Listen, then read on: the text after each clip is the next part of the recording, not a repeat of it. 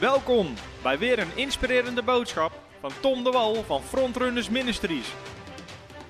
We bidden dat je via deze aflevering geïnspireerd wordt in je leven met God en opgebouwd wordt in je geloof. Oké. Nou, je mag met me meegaan naar Marcus, hoofdstuk 9, vers 23. En we zaten vandaag even met het team bij elkaar, omdat we hebben twaalf avonden deze Faith School. En ik zat eens te kijken, als ik alles wil onderwijzen wat gewoon in mijn boek, in mijn nieuwe boek staat over geloof, hoeveel avonden heb ik dan nodig? Nou, dan kwam ik tot de conclusie dat ik ongeveer 23 tot 25 avonden nodig heb. We hebben de helft, dus we gaan lang ook niet alles behandelen wat in het boek staat. Dus ik wil je ook echt aanmoedigen, ook als je deze Faith School volgt, lees het boek. Zorg dat je het onderwijs echt eigen maakt. Maar ik wil beginnen met een tekst, Marcus 9, vers 23. We hebben de teksten niet op de beamer. Sommige mensen vragen, waarom heb je de teksten niet op de beamer? Omdat je thuis in je slaapkamer ook geen beamer hebt. En we willen dat je leert waar het staat in het woord. En dat je het ziet met je eigen ogen.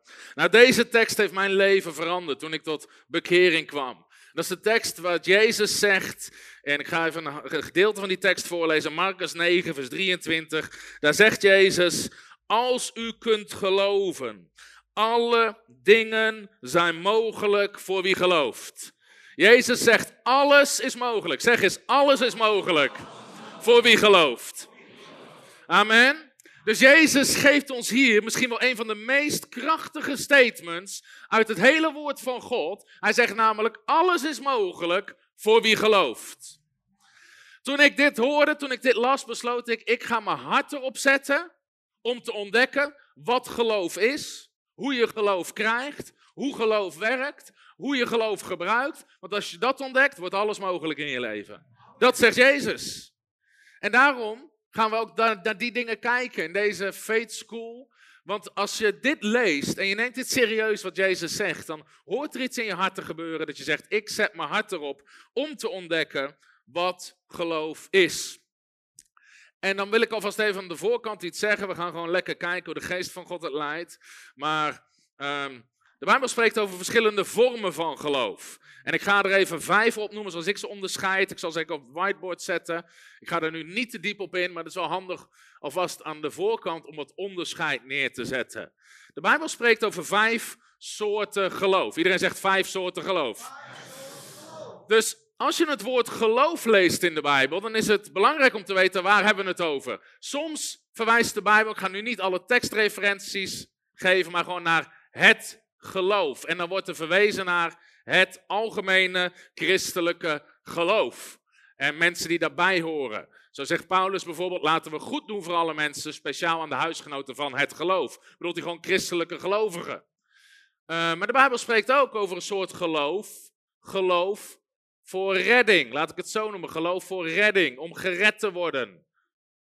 Geloof voor redding. De Bijbel zegt, uit genade bent u zalig geworden en door geloof in Efeze hoofdstuk 2. Dus het is door geloof dat we gered worden. En de Bijbel spreekt heel vaak, als het spreekt over geloof, verwijst het naar geloof voor redding. Maar er is nog een soort geloof, namelijk de vrucht van de geest geloof. Ik schrijf op vrucht geloof. Als je denkt, wat schrijft die jongeman, hieroglyphen, heb je gelijk. De Bijbel zegt in Galaten 5, vers 22, spreekt over de vrucht van de Heilige Geest, noemt het op liefde, blijdschap, geduld, maar er staat ook geloof tussen. Dus geloof is ook een vrucht van de Heilige Geest. Daarnaast heb je de gave van geloof. Zoals die staat in 1 Korinthe hoofdstuk 12, vers 8 en 9, waar de negen gaven van de Heilige Geest opgenoemd worden, zoals profetie, gave van genezing, werking van krachten, maar dat spreekt ook over de gave van geloof. En de laatste soort geloof noem ik geloof voor specifieke situaties. Geloof voor specifieke situaties. En dat kan van alles zijn. Geloof voor specifieke situaties. Ik zal er een paar voorbeelden van geven. Jezus leert ons bijvoorbeeld in Marcus 11, die tekst gaan we nog wel een aantal keer lezen, hoef je nu niet op te zoeken. Maar dan leert Jezus dat je door je geloof bergen kan verplaatsen. Jacobus zegt, als iemand van uw wijsheid tekort komt, laat hem vragen aan God, maar laat hem wel in geloof vragen. Je kan je geloof gebruiken voor zieken genezen, voor demonen uitdrijven. Al die dingen werken door geloof. Dus je kan je geloof gebruiken voor allerlei specifieke situaties. Dit zijn vijf vormen of vijf soorten van geloof die het woord van God ons onderwijst. was het even een kleine bonus, dat niet om aantekeningen. Ehm, de vrucht van geloof, dat heeft te maken met je karakter. dat, dat is waar de, de vrucht van de geest voor is. Dat geloof onderdeel wordt van je karakter. Dat je niet snel in paniek raakt. Dat je gewoon in de rust en de vrede van God leeft. Dat geloof, een vertrouwen op God, onderdeel is geworden van je karakter. Daarvoor is de vrucht van de geest. De gave van geloof spreekt over kracht. Over kracht, de kracht van God die door je heen stroomt. Dat de gave van geloof werkzaam is. Nou, waarom is dat belangrijk, deze vijf soorten? Omdat als, je het, als we zeggen een faith school, of we hebben het over geloof, dan zeggen heel veel christenen, ja, maar ik geloof toch in God. Ik geloof toch in God. En wat ze daar meestal mee bedoelen is gewoon het geloof, of geloof voor redding. Ja, maar ik geloof toch dat God, dat, dat God bestaat. En dat is heel mooi, dat is ook een eerste stap, maar dat is iets anders dan God geloven voor iets, om iets te doen in je leven, of door jou heen iets te doen. En dat is belangrijk om te beseffen dat daar verschillen in zijn. Toen ik net tot geloof was gekomen, en hoeveel weten dat als we wedergeboren worden, beginnen we allemaal als babychristen, we beginnen allemaal opnieuw. waarom zegt als pasgeboren baby's, beginnen we weer. Hoeveel weten dat baby's maken er wel eens een rotzooi van? De mensen die niet een hand op hebben gestoken, hebben nog geen baby's gehad. Baby's maken er wel eens een rotzooi van. Amen. Mijn vrouw die kwam laatst thuis, had zeven pot poeder, zo'n bus poedersuiker uit de kast gepakt en was de paus gaan spelen en had het zo overal rondgestrooid. Nou, baby's maken wel eens echt een rotzooi van. Maar als we het met mensen hebben over geloof, is het soms ook even goed om duidelijk te maken, waar hebben we het nou over? Toen mijn oma overleed, mijn oma was een gelovige vrouw en die ging altijd naar de kerk. En ik had een gesprek met mijn moeder daarover. Ik was net tot geloof gekomen. Oh, halleluja, genees de ziek, al die dingen meer. En mijn moeder was die dingen niet gewend. Dus mijn oma overleed aan kanker. En ik zei, maar weet je, had oma dan geen geloof? Nou, was absoluut niet wijs. Hoeveel weten we hebben wijsheid, waarheid en liefde? Oké, de rest nog niet. Dat is een les die je kan leren in je leven. We hebben wijsheid, waarheid en liefde. En alleen waarheid is niet zaligmakend. Zeker niet in gesprekken met mensen. We hebben soms wat wijsheid nodig en wat liefde. En mijn moeder zegt, ja, Tom, hoe bedoel je had oma geen geloof? Oma zat iedere zondag in de kerk. Oma gelooft dat God bestond. Nou, ik had het over geloof voor genezing. Kan heel, iemand kan in God geloven, geloven dat God bestaat, maar dat is iets anders dan God geloven voor jouw genezing. Of God geloven dat God door jou heen zieken wil genezen. Dus daarom is het goed om te weten, waar hebben we het over als we het woord geloof gebruiken? Nou, in deze faith school zullen we het heel veel hierover gaan hebben. Geloof voor specifieke situaties. En dan komen we ook een beetje op de gave van geloof. Maar dat jij leert om God te geloven, dat God door jou heen in je leven gaat werken. Of dat je dingen van God kan ontvangen door je geloof. En daar willen we dus vooral deze faith school, willen we het daarover gaan hebben. Nou, het onderwerp geloof ben ik dus al heel lang eigenlijk niet alleen aan het bestuderen, maar ook aan het uitleven. En in mijn boek heb ik het over twee dingen en die wil ik ook hier vast aanhalen. We hebben eigenlijk de fundamenten, gewoon de basiswaarheden over geloof. Maar je hebt ook, net zoals misschien als je gebouw bouwt, je hebt de fundamenten, maar je hebt ook de wat kleinere componenten. En allebei zijn belangrijk. Allebei zijn belangrijk. Wie heeft iemand wel eens horen zeggen: Ja, ik had echt geloof, maar het is niet gebeurd? Of die persoon had echt geloof, maar het is niet gebeurd. Zie je, heel veel mensen steken hun hand op. Nou, ik ga er wat dieper op in, ook gedurende deze cursus. We kunnen niet alles in één avond behandelen. Maar mijn ervaring is eigenlijk dat mensen meer hebben het of ergens gemist in de fundamenten of in de wat kleinere componenten. Het hele ding is namelijk, dat gaan we vanavond ook wel zien, dat is niet mogelijk. Want Jezus zegt, als je geloof hebt, verplaatst de berg. Dus wie heeft er gelijk? Die persoon of Jezus? Als ik dan moet stemmen, kies ik, kies ik op Jezus. Als ik ergens mijn geld op in zou moeten zetten, kies ik op de Zoon van God. Maar mijn punt is dus, die mensen kunnen, kunnen twee dingen aan de hand zijn. Ik geef je, ik, ik drop alvast wat dingen. Kunnen twee dingen aan de hand zijn als mensen dat zeggen. Of iemand um, had inderdaad had geen geloof. Maar weet je wat nog veel vaker aan de hand is? Dat iemand wel degelijk geloof had, maar ondertussen ongeloof. Zorgen, angst of twijfel. Die twee dingen kunnen tegelijk bestaan. Ik drop alvast wat dingen, is dat goed? Jezus zegt nooit tegen iemand, je moet meer geloof hebben. De geloofsboodschap wordt heel vaak verdraaid. Dan zeggen ze, je moet meer geloof hebben. Nee, Jezus zegt nooit tegen iemand, je moet meer geloof hebben. Heeft hij nog nooit tegen iemand gezegd? Jezus zegt altijd, je moet afrekenen met je angst. Je moet afrekenen met je ongeloof. Je moet afrekenen met je twijfel. Het gaat niet, om, het, gaat niet om het hebben van meer geloof of een groot geloof. Je moet wel een groot... Nee, nee, nee. Geloof is genoeg als je tegelijkertijd niet twijfelt. Dus dan zie je, soms missen mensen het misschien in een wat kleinere componenten. Als het gaat om wat onderwijst Jezus nou over geloof. En daarom willen we die dingen willen we leren, willen we ontdekken. Amen. Nou, Hebreeën hoofdstuk 11 mag je even opzoeken. En sommige teksten zullen we behoorlijk vaak gaan lezen in deze cursus. Kijk, ik doop mezelf ondertussen even. Als mijn vrouw dit live mee zit te kijken, sorry schat, ik had toch een slap moeten dragen.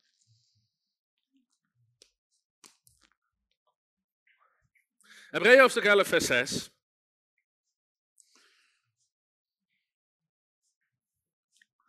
Als je hem gevonden hebt, zeg je prijs de Heer.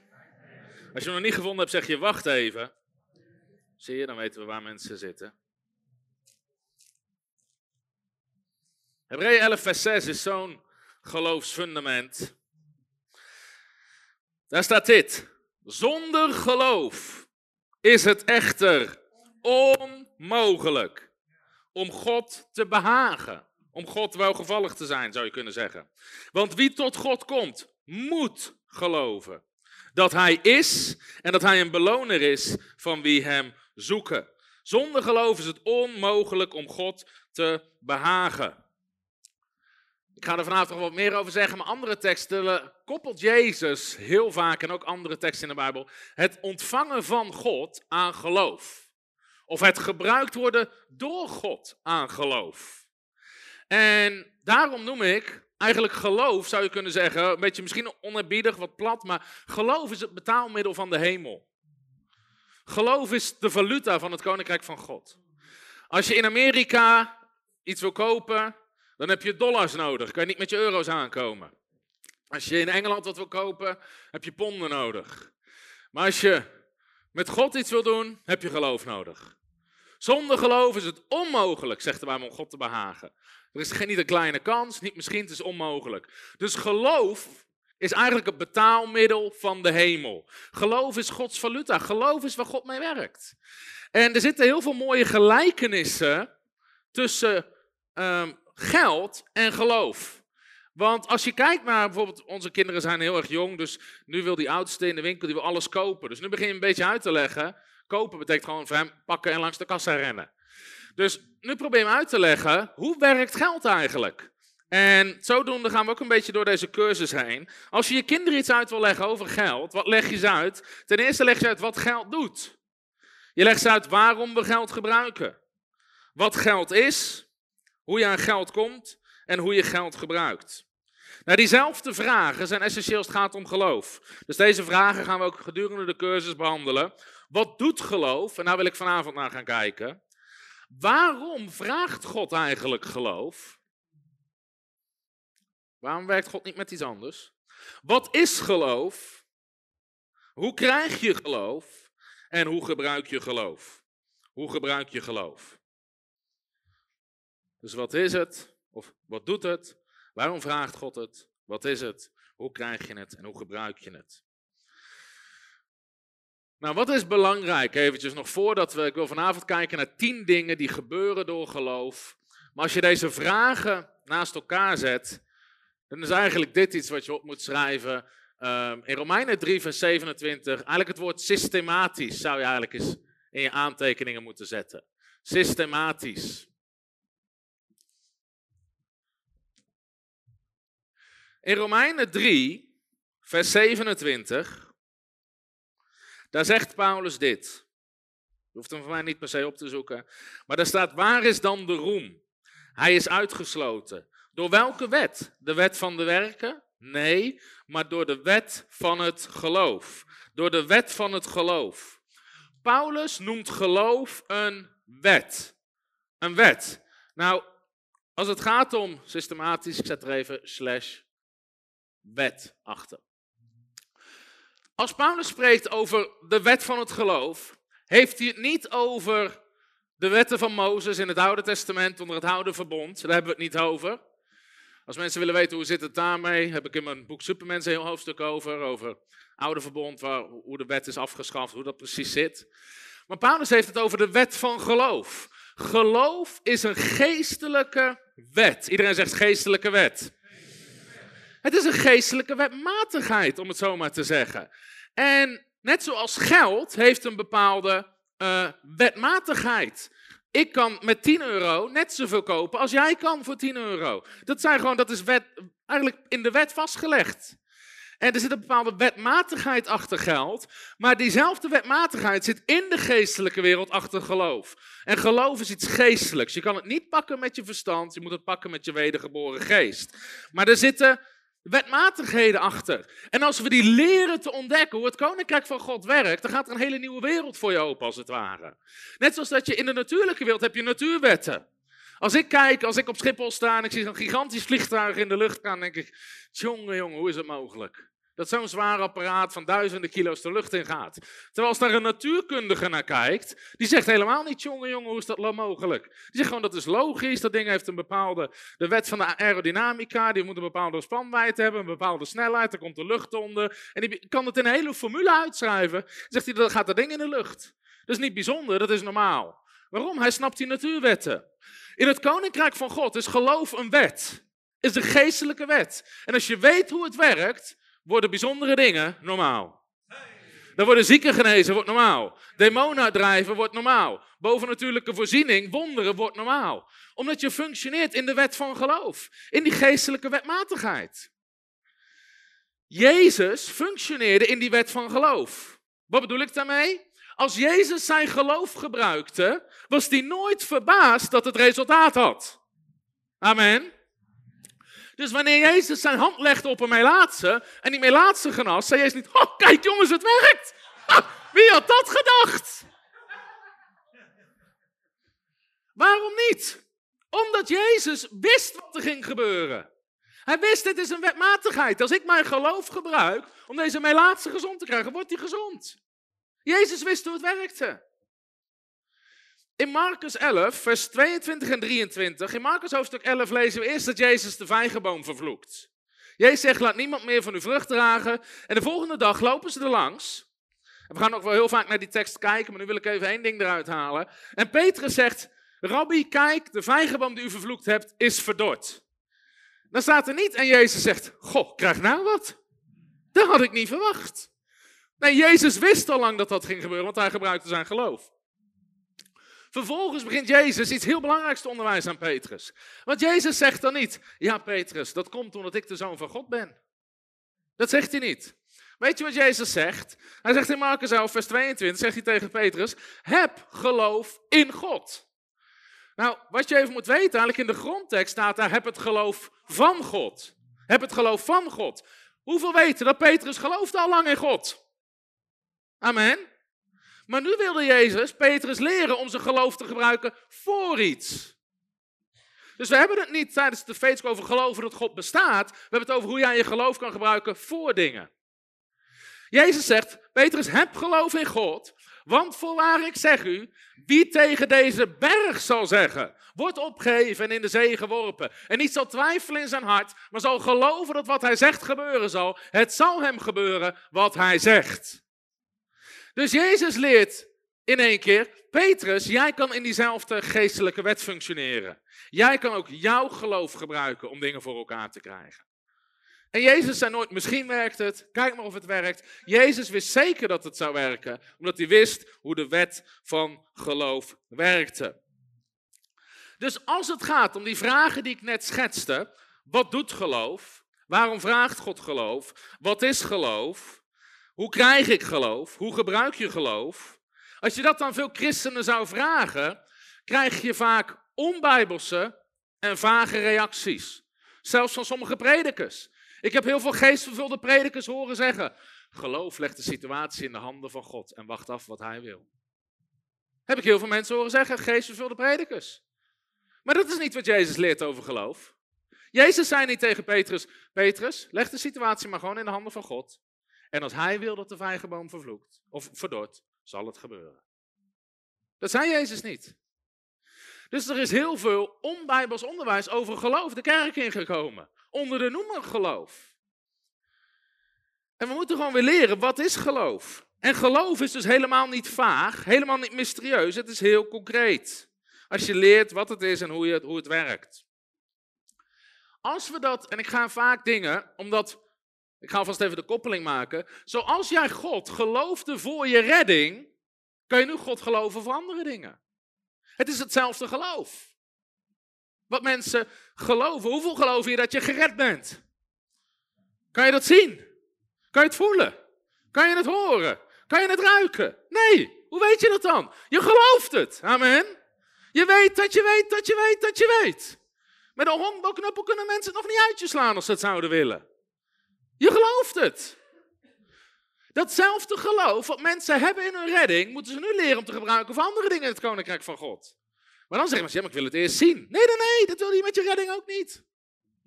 Dus wat heel veel christenen normaal vinden als het gaat om redding, hè, wat is geloof, als je dat zou vragen, of hoe word je gered, zeggen ze door geloof. Wat is geloof? Dan zeggen ze, dat is de zekerheid. Je weet zeker dat je gered bent, zonder dat je het kan zien, maar je weet dat je het al hebt. Mensen vraagt, hoe kom je dan aan het geloof? Zeggen ze, door het horen van het evangelie. Ik heb het evangelie gehoord. Hoe heb je je geloof gebruikt? Ik geloof het in mijn hart. Ik beleed met mijn mond dat Jezus Heer was. En ik geloof dat ik het ontvangen heb. Dat, dat vinden we allemaal hele normale reacties. Maar hetzelfde kan met voorziening, hetzelfde kan met genezing, hetzelfde kan met bevrijding. Kan je geloof ook zo functioneren? Dus geloof is nooit van, ach, als de Heer het wil. Zo ben je ook niet gered, ach, als de Heer het wil. Dus in één keer wat we verdoen voor redding, dat, in één keer veranderen we het helemaal. Het gaat om andere dingen. Terwijl Jezus zei altijd, het zal gaan zoals u geloofd hebt. Zei hij tegen mensen. Hoeveel weten we kunnen God wel geloven, maar uiteindelijk gaat het zoals God wil. Nee, nee, nee. Jezus zegt, het zal gaan zoals u geloofd hebt. Matthäus 8, vers 13. Matthäus 9, vers 29. Geef gewoon wat teksten. Het zal gaan naar uw geloof. Matthäus 15, vers 28. Vrouw, groot is uw geloof. Het zal gebeuren zoals u wilt.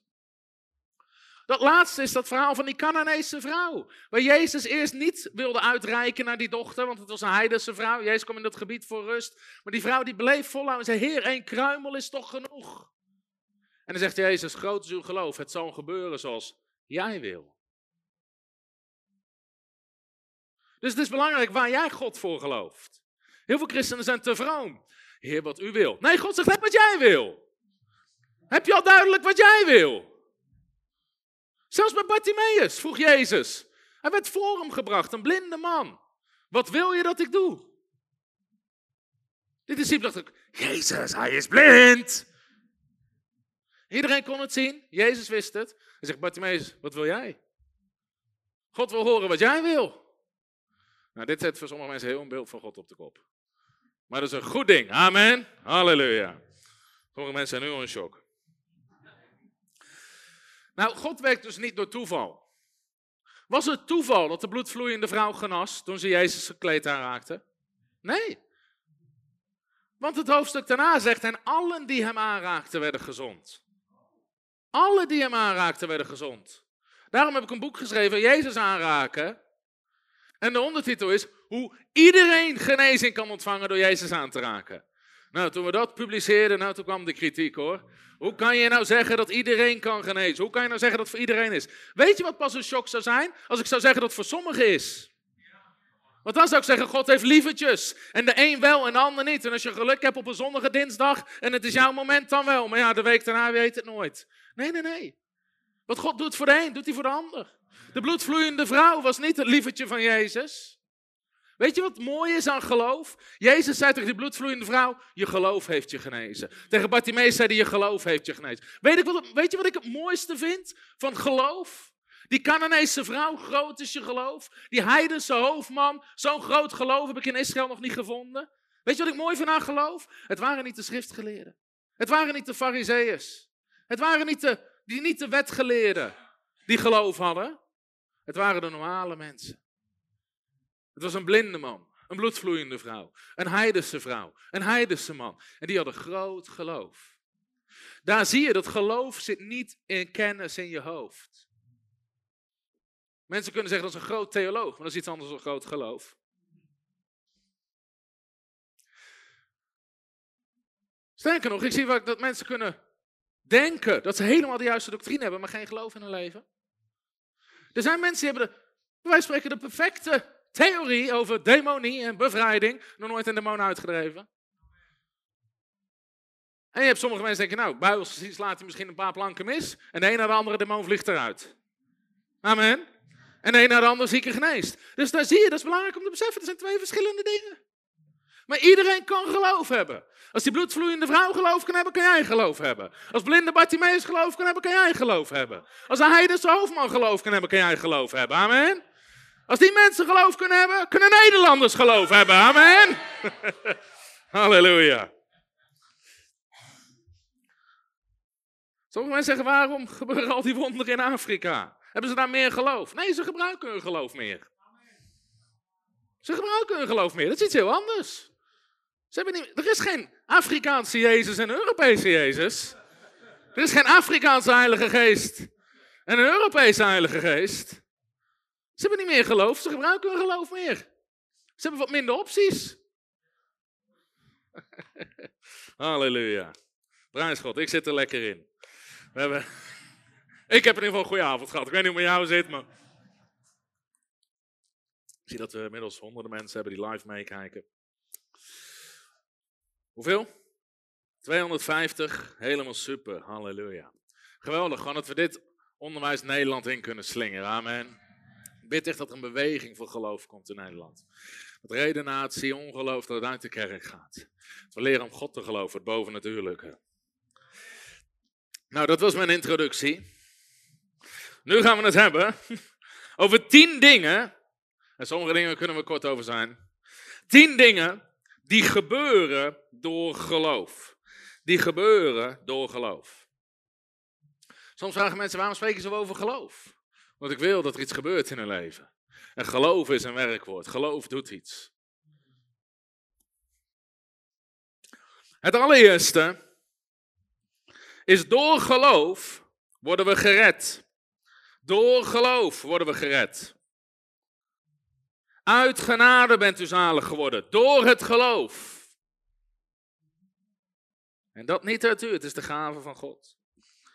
Een van de bekendste teksten, Johannes 3, vers 16. Al zo lief heeft God de wereld gehad dat hij gaf zijn enige geboren zoon. Opdat een ieder die in hem gelooft, niet verloren gaat, maar eeuwig leven heeft. Hoe ontvang je eeuwig leven? Hoe ontvang je vergeving van zonde? Hoe ontvang je redding? Door geloof. Door geloof. Sommigen zeggen, sommigen zeggen, ik snap het niet. Johannes 3, vers 16 zegt niet, als lief heeft God de wereld gehad, dat hij zijn enige geboren zoon gegeven heeft, dat ieder die hem snapt. Sommige mensen zitten te veel in hun snappie. Amen. Je moet een beetje zakken van hun snappie naar een hartje. Amen. Met het hart geloof je, zegt de Bijbel. Nou, waarom is dit zo belangrijk? Sommige mensen zullen zeggen, dat weet ik al, ik word gered door geloof. Waarom is het zo belangrijk? Dat leert ons iets over de manier waarop God werkt. Word je gered op basis van nood? Nee.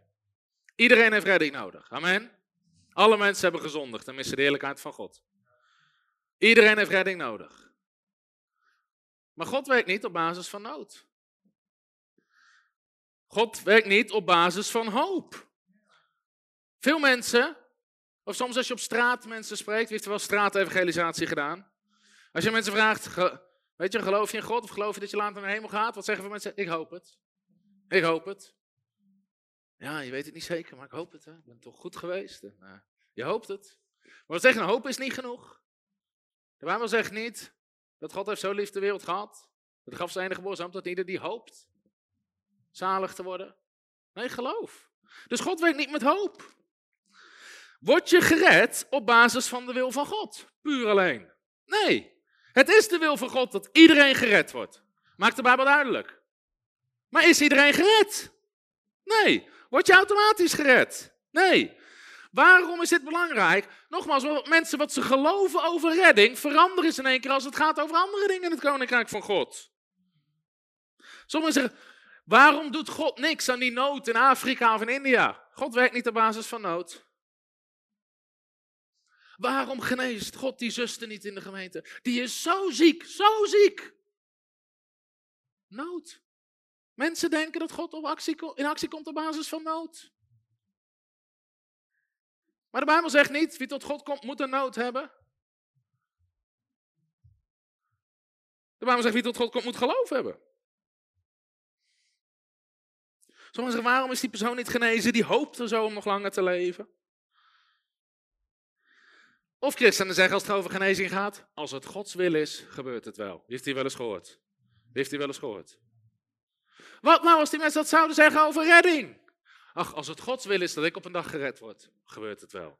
Zouden zeggen, nee, stop, nu. Nu je geloof vestigen in Jezus Christus, nu. Niet uit. En één keer wat we normaal vinden op redding, maken we in één keer heel anders als het gaat om andere dingen. Maar dat leert ons iets over de manier waarop God werkt. God werkt niet met nood, niet met hoop, zelfs niet uitsluitend op basis van zijn wil. God werkt met geloof. Wat moeten we nog meer weten? Als we dat woordje redding zien in de Bijbel, staat er in het Grieks het woordje sozo of soteria. En datzelfde woord betekent genezing, betekent bevrijding, betekent voorziening, betekent bescherming. Wij vaak, niet iedereen, maar vanuit een bepaalde achtergrond, denken bij het woord redding aan ik ga later naar de hemel. Dat is redding. Maar dat is helemaal niet wat er staat. Het betekent, Gods soort redden is iemand helemaal herstellen, heel maken, genezen, bevrijden, voorzien, beschermen. Jezus zei tegen die bloedvloeiende vrouw, jouw geloof heeft je zo zo gemaakt, heeft je genezen. De bezeten man werd zo zo gemaakt, hij werd bevrijd. Bartie, of um, die, um, die, die tollenaar, hoe heet die ook alweer? Zacchaeus, er staat er heden, is in dit huis zaligheid, redding gekomen. Want er kwam herstel in zijn financiën. Hij ging van supergierig en hebzuchtig en oplichter naar een eerlijk persoon. En jij zegt, in dit huis is redding, is sowieso gekomen, is herstel gekomen. In handelingen, nu gaan we het niet lezen, ik geef je ook wat huiswerk mee. In handelingen, als die verlamde man overeind wordt getrokken, dan moeten ze verschijnen. En dan staat er heden, heeft de naam van Christus deze man behoudenis gegeven. Dat woord, die man die net genezen is. Zo, zo. Dus het beschrijft de hele erfenis die Christus heeft betaald voor ons. Dat is zo belangrijk om te weten. En net zoals jij je vergeving van zonde hebt ontvangen door geloof, kan je nu al het andere ontvangen door geloof wat God voor jouw leven heeft.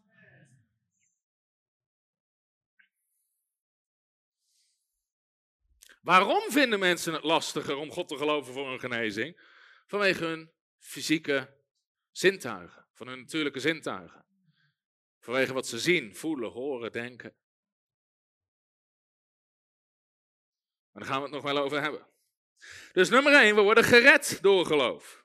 We worden gered door geloof. Nummer 2, wat doen we nog meer door geloof? Door geloof behagen we God. We hebben de tekst net gelezen. Zonder geloof is het onmogelijk om God te behagen. Er staat niet, er is een kleine kans. Nee, onmogelijk. Wat is het woord behagen? Is misschien wat ouderwets Nederlands, maar God welgevallig zijn. Of met God samenwerken. De tekst zegt, wie tot God komt, moet geloven.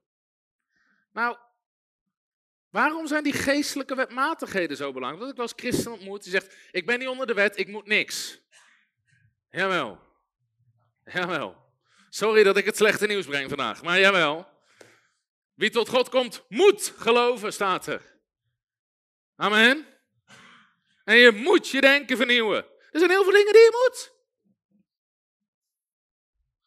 Dat wil ik niet. Doe je het niet? Zou mij een zorg zijn? jouw leven met God. Maar als je wil dat je in het plan van God gaat wandelen, moet je bepaalde dingen doen. Amen. Dus sommige mensen hebben een geest van rebellie. En ze noemen het vrijheid. Het is geen vrijheid.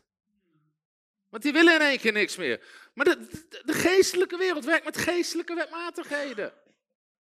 En in de geestelijke wereld moet je bepaalde dingen. En niet zodat je gedwongen wordt, maar dat is voor je eigen best wil. De Bijbel zegt dat je andere mensen moet vergeven. Als je het niet wil, prima, moet je zelf weten. Maar je komt terecht in een leven van bitterheid en ellende, waar je zelf aan kapot gaat. Maar als we met God willen werken, moeten we geloven. Geloven is het geldige vliegticket van de hemel. Daarom, Smith Wigglesworth was een krachtig geloofsprediker. 1800, 1900. Krachtig geloofsprediker. Hij zei, God zal 1 miljoen mensen overslaan om, met één, om bij één iemand met geloof te komen. Hij zei, God zal een miljoen mensen overslaan om bij één iemand met geloof te komen. Dan kun je zeggen, ja, dat klinkt wel heel radicaal. Klinkt heel radicaal, maar dat is wel wat het is. Als we namelijk lezen in het Oude Testament over de Israëlieten in de woestijn. De Bijbel leert ongeveer dat er 2 miljoen mensen waren. Waarschijnlijk wel meer. 600.000, alleen de mannen, zegt Exodus. Dus laten we zeggen dat alle mannen een vrouw hadden, zit je bij 1,2 miljoen. En ze hadden nog wat kinderen. Dus je hebt, makkelijk heb je het over 2 miljoen mensen. In de woestijn. Hoeveel weten dat het de wil van God was dat ze allemaal in het beloofde land kwamen? Dat was de wil van God. Hoeveel kwamen er in het beloofde land? Twee. Jozua en Caleb. De rest stierf in de woestijn. En Hebreeën 3 vers 19 zegt, zo zien wij dat zij niet konden ingaan vanwege hun ongeloof. Er waren maar twee die God geloofden. De rest zijn, de reuzen zijn te groot, de muren zijn te sterk, de legers zijn te sterk. We kunnen het land niet innemen. En God zegt dan in nummer 14 vers 28, zo waar ik leef, zegt de Heer, ik zal doen wat jullie gezegd hebben. En ze kwamen het land niet in. Behalve Jozef en Caleb, ze hadden een andere geest, zegt de Bijbel. Ze geloofden God. En zij kwamen in het beloofde land. God sloeg letterlijk een miljoen mensen over om met één iemand met geloof te werken. God is op zoek naar mensen die hem durven te geloven. Dus als we God willen behagen, als we met God samen willen werken, zal het gaan over geloof. Dat leert ons dus iets belangrijks. Geloof is onvervangbaar. Je kunt God niet iets anders aanbieden dan geloof. Je kan God geen goede werken, nood, hoop. Kan je niet aanbieden. Sommigen zeggen, die persoon die moet God wel genezen, want die is zo lang aanbiddingsleider geweest in de kerk. Nee, nee, nee, nee. Je bent goede werken aan het aanbieden. Er staat niet wie tot God komt, moet minimaal tien jaar aanbidding geleid hebben. Dat is allemaal niet waar God mee werkt. God werkt met geloof. Amen. Zeg eens, God werkt met geloof. Wat derde wat geloof doet. Door geloof ontvangen we waar we voor bidden. Deze mag je even opzoeken. Twee teksten. Matthäus 21, vers 22. Matthäus 21, vers 22.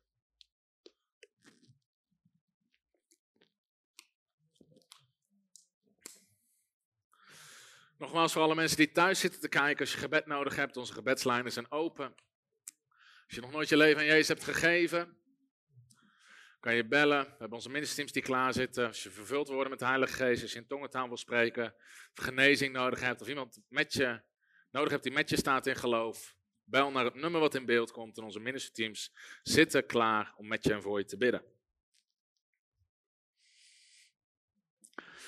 In de tussentijd hebben we vast de tekst gevonden. Matthäus 21, vers 22. En alles. Iedereen zegt alles. Halleluja. Hou je van dat soort woorden in de Bijbel? Is eens opgevallen dat God niet religieus is? Religie zegt, God geeft je heus niet alles. en alles, lekker. En alles wat u in het gebed vraagt. In geloof zult u ontvangen. In geloof zult u ontvangen. Wat is de sleutel voor, voor gebedsvolging? Geloof. Maar wat voor manier geloven? Dat staat in Marcus 11, vers 24. Marcus 11, vers 24.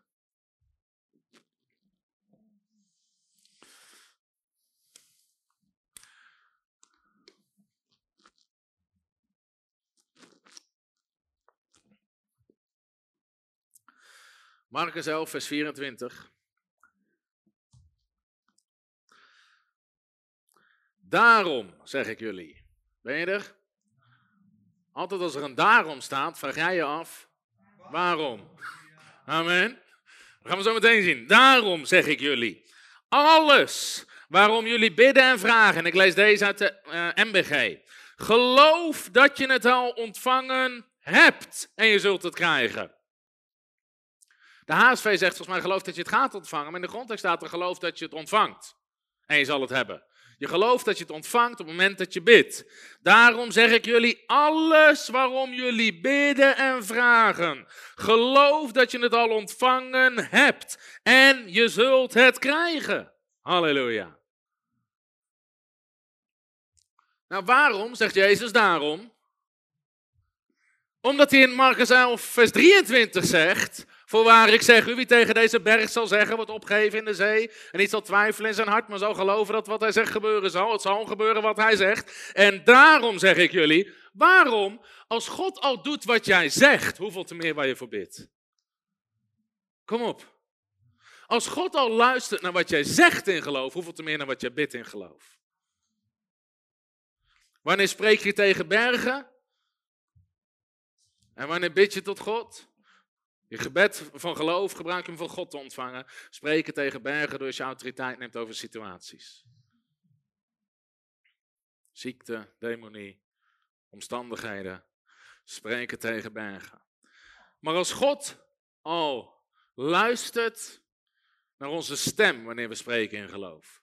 Hoeveel te meer luistert hij als zijn kinderen bidden in geloof? Amen. Dus geloof is een is een voorwaarde voor gebedsvoering. Jacobus 1 zegt dat ook. En let op, het gaat over Gods manier van geloven. Je gelooft dat je ontvangt op het moment dat je bidt. Niet op het moment dat je het ziet, op het moment dat je het bidt. Geloof je dat je het ontvangen hebt. En dan zal het zichtbaar worden. Jacobus zegt zelf, hè, dan zegt hij, laat iemand aan God vragen. Maar dan staat er in vers 6, laat er in geloof om vragen en daarbij niet twijfelen. Want wie twijfelt lijkt op de golf van een zee die door de wind voortgestuwd en op en neer geworpen wordt. Want zo iemand, wat voor iemand? Iemand die twijfelt, moet niet denken dat hij iets zal ontvangen van de Heer. Dus jij zegt, alles wat je in geloof bidt, zal je krijgen. Maar als iemand twijfelt, moet hij niet denken dat hij ook maar iets ontvangt. Nou, ik heb op een gegeven moment nog theologie gestudeerd.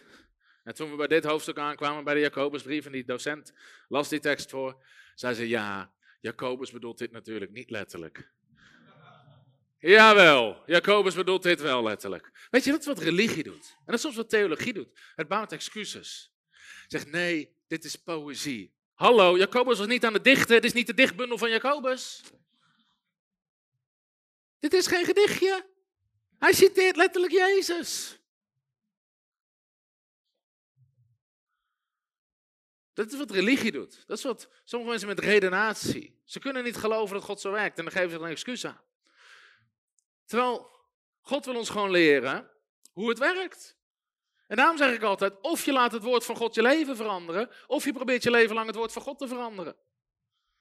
Met je ja-maars.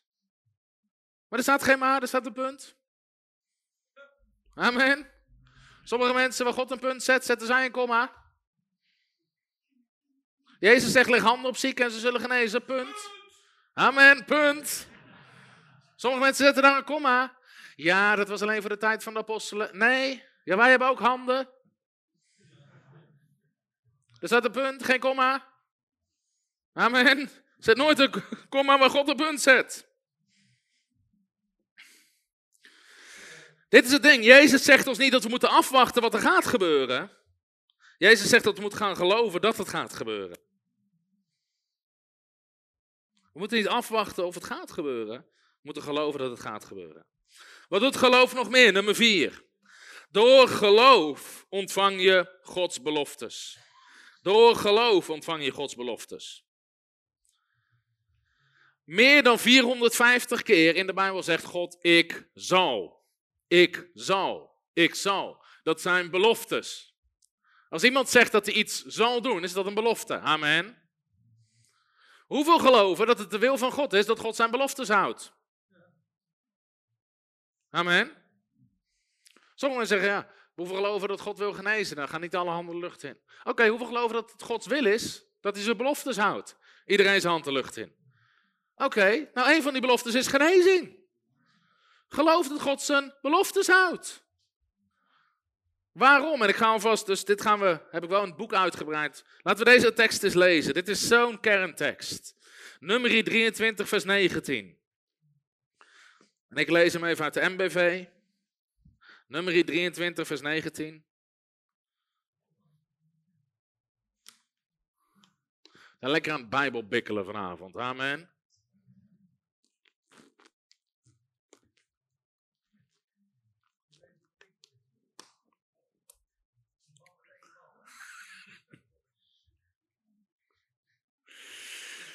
Nummer 23 vers 19. Als je gevonden hebt, zeg je prijs de Heer. Als je nog niet gevonden hebt, zeg je wacht even.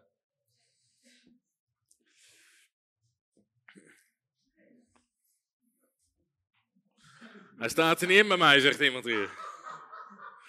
We zitten het Nieuwe Testament te zoeken. Nee, schapje. Nummer 23, vers 19.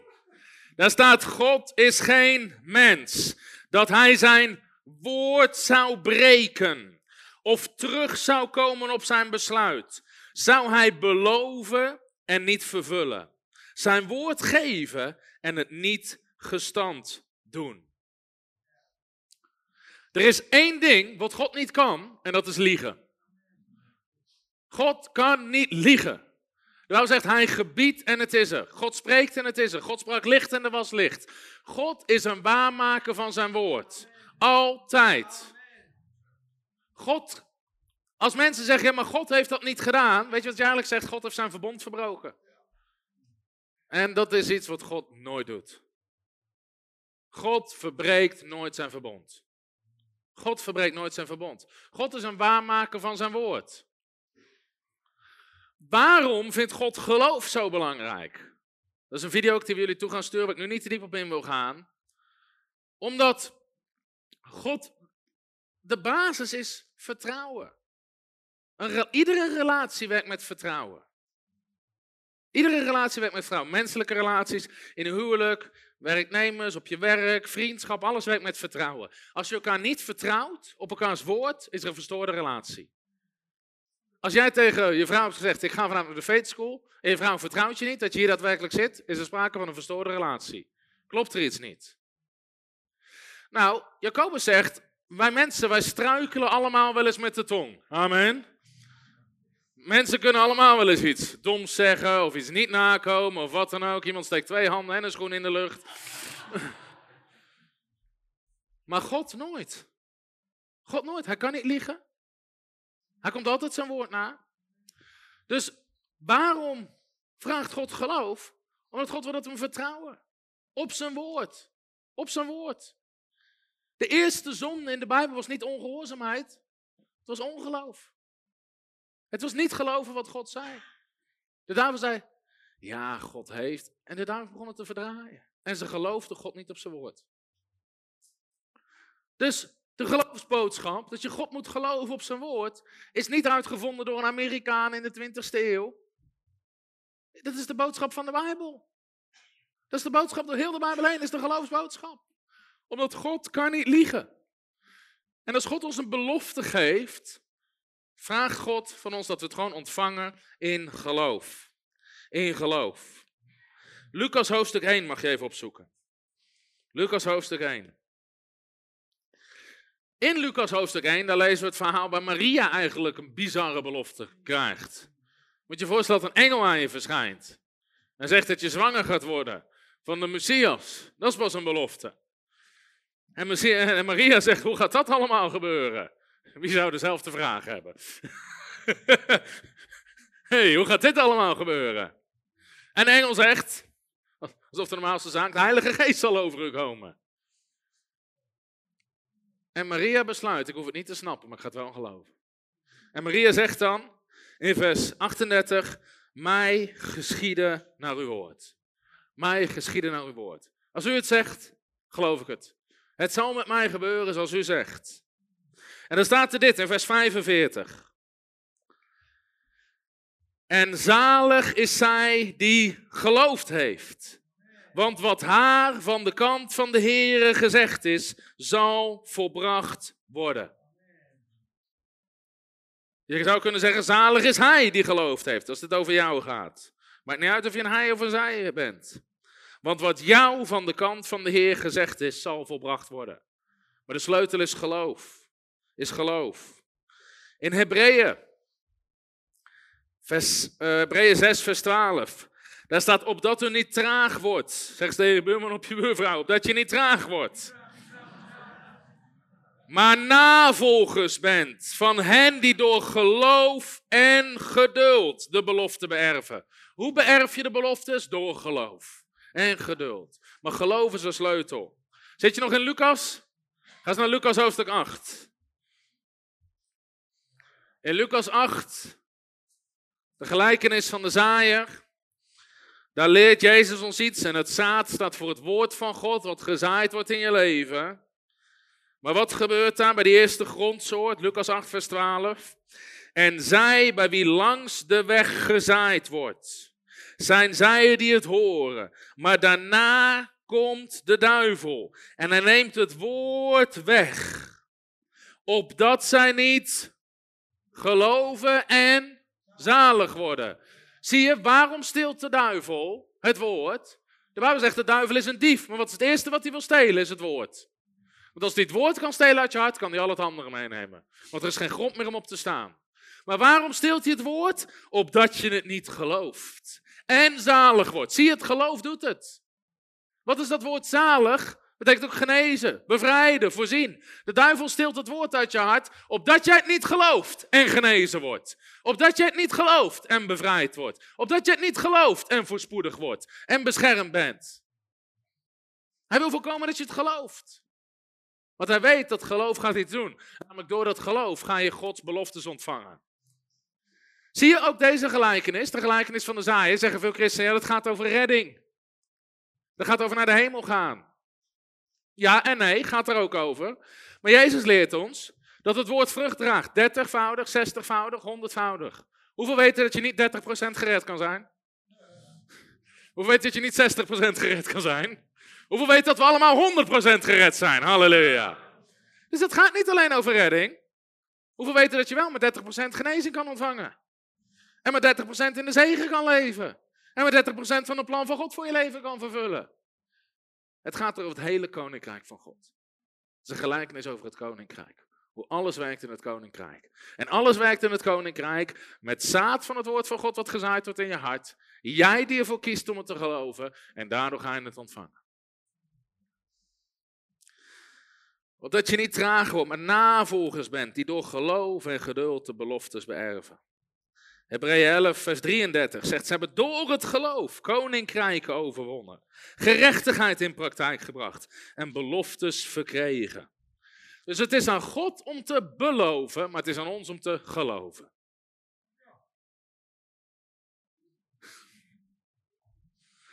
Het is aan God om te beloven, maar het is ons, aan ons om te geloven.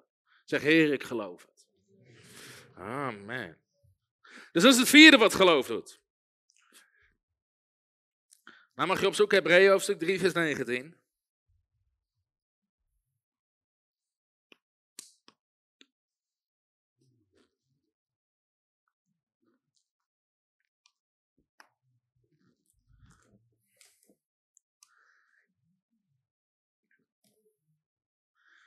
Als je hem gevonden hebt, zeg je prijs de Heer.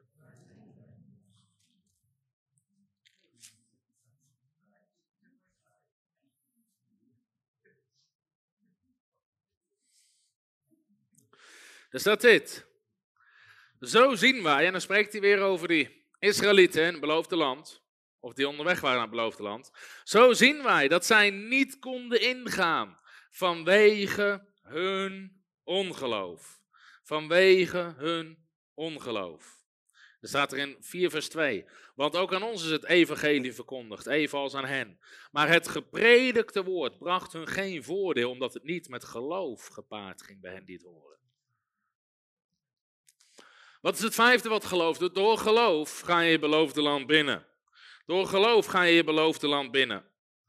Zoals de Israëlieten in het Oude Testament als het ware een beloofde land hadden, hebben wij ook hier een beloofde land, zou je kunnen zeggen.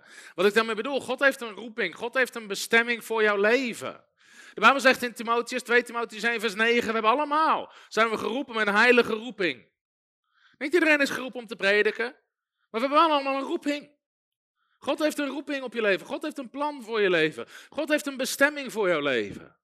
De Bijbel leert dus al voordat God je gemaakt had in de moederschoot, had God een plan voor je leven.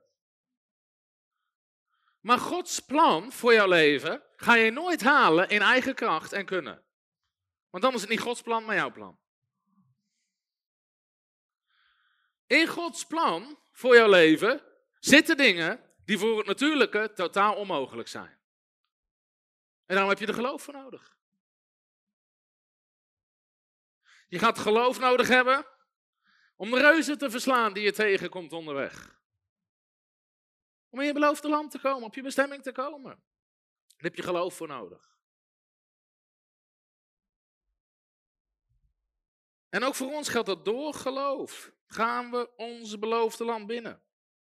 Weet je, alleen al, ik zeg altijd, er is een algemene roeping en er is een specifieke roeping. De algemene roeping die iedere christen heeft, is ten eerste is het evangelie verkondigen, getuigen van Jezus, discipelen maken, mensen dopen, zieken genezen, demonen uitdrijven. Dat is normaal christendom. Twee amens. Dat is normaal christendom. Jezus zegt, ga heen in heel de wereld, wees mijn getuige, verkondig het evangelie, genees zieken, drijf demonen uit, doop mensen. Dat is normaal christendom. Zeg eens tegen buurman of mevrouw, dat is normaal christendom.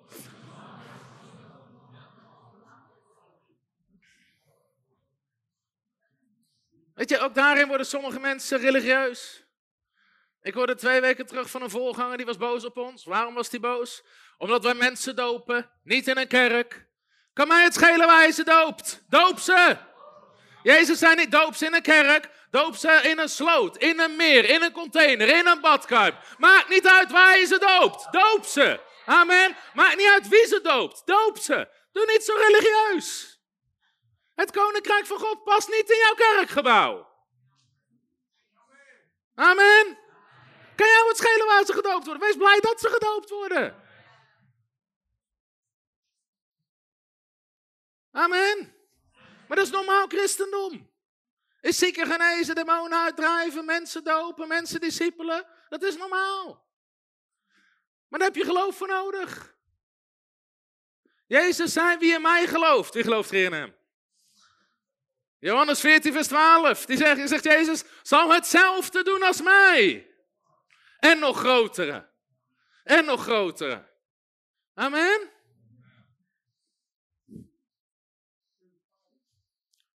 Zeg eens, ik kan dezelfde werken doen als Jezus. En nog grotere. Maar dan ga je wat geloof voor nodig hebben. Want Jezus deed ook door geloof. Amen. Wat is het? Dus dat was het vijfde. Door geloof gaan we ons beloofde land in. Zes, wat doet geloof nog meer?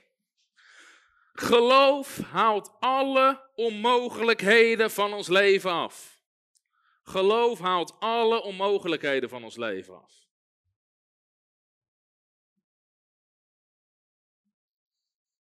Geloof haalt alle onmogelijkheden van ons leven af. Er zijn meerdere teksten die daarbij horen.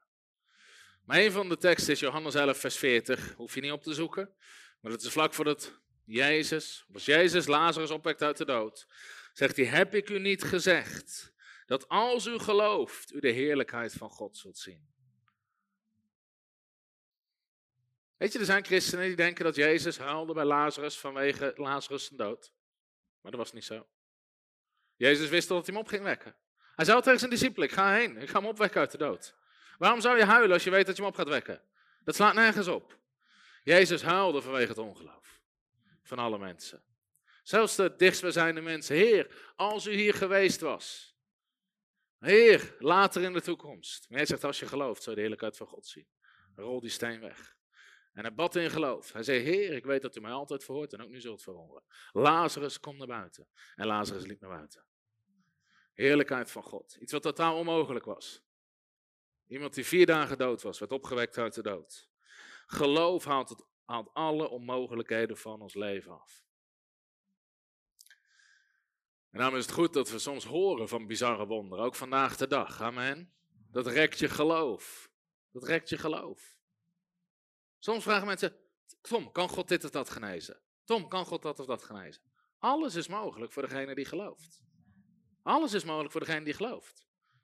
De vraag is niet wat God kan doen. De vraag is waar kan je God voor geloven? Amen. We hebben wat bizarre wonderen gezien. Afgelopen genezingsdienst hadden we iemand met een kippenborst. Ik weet niet of iemand dat kent.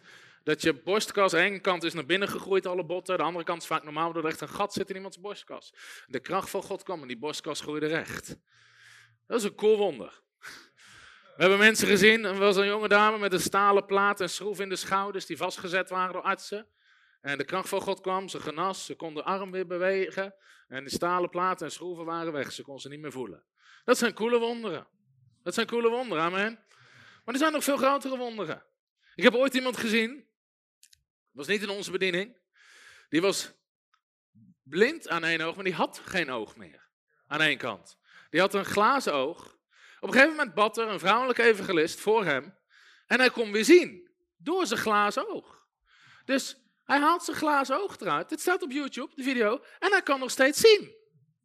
Dus je ziet een gat waar geen oog in zit. En hij kan gewoon zien. En sinds dat moment is die man overal rond gaan reizen om het evangelie te verkondigen. En in een samenkomst zei hij iedereen die niet gelooft in God, let op wat hier gaat gebeuren. Hij liet zijn goede oog helemaal afplakken met theedoeken, alles erop en eraan, plakband. Dat je onmogelijk iets kon zien. Haalde hij zijn glazen oog eruit, je zag gewoon een gat in, gewoon een gat.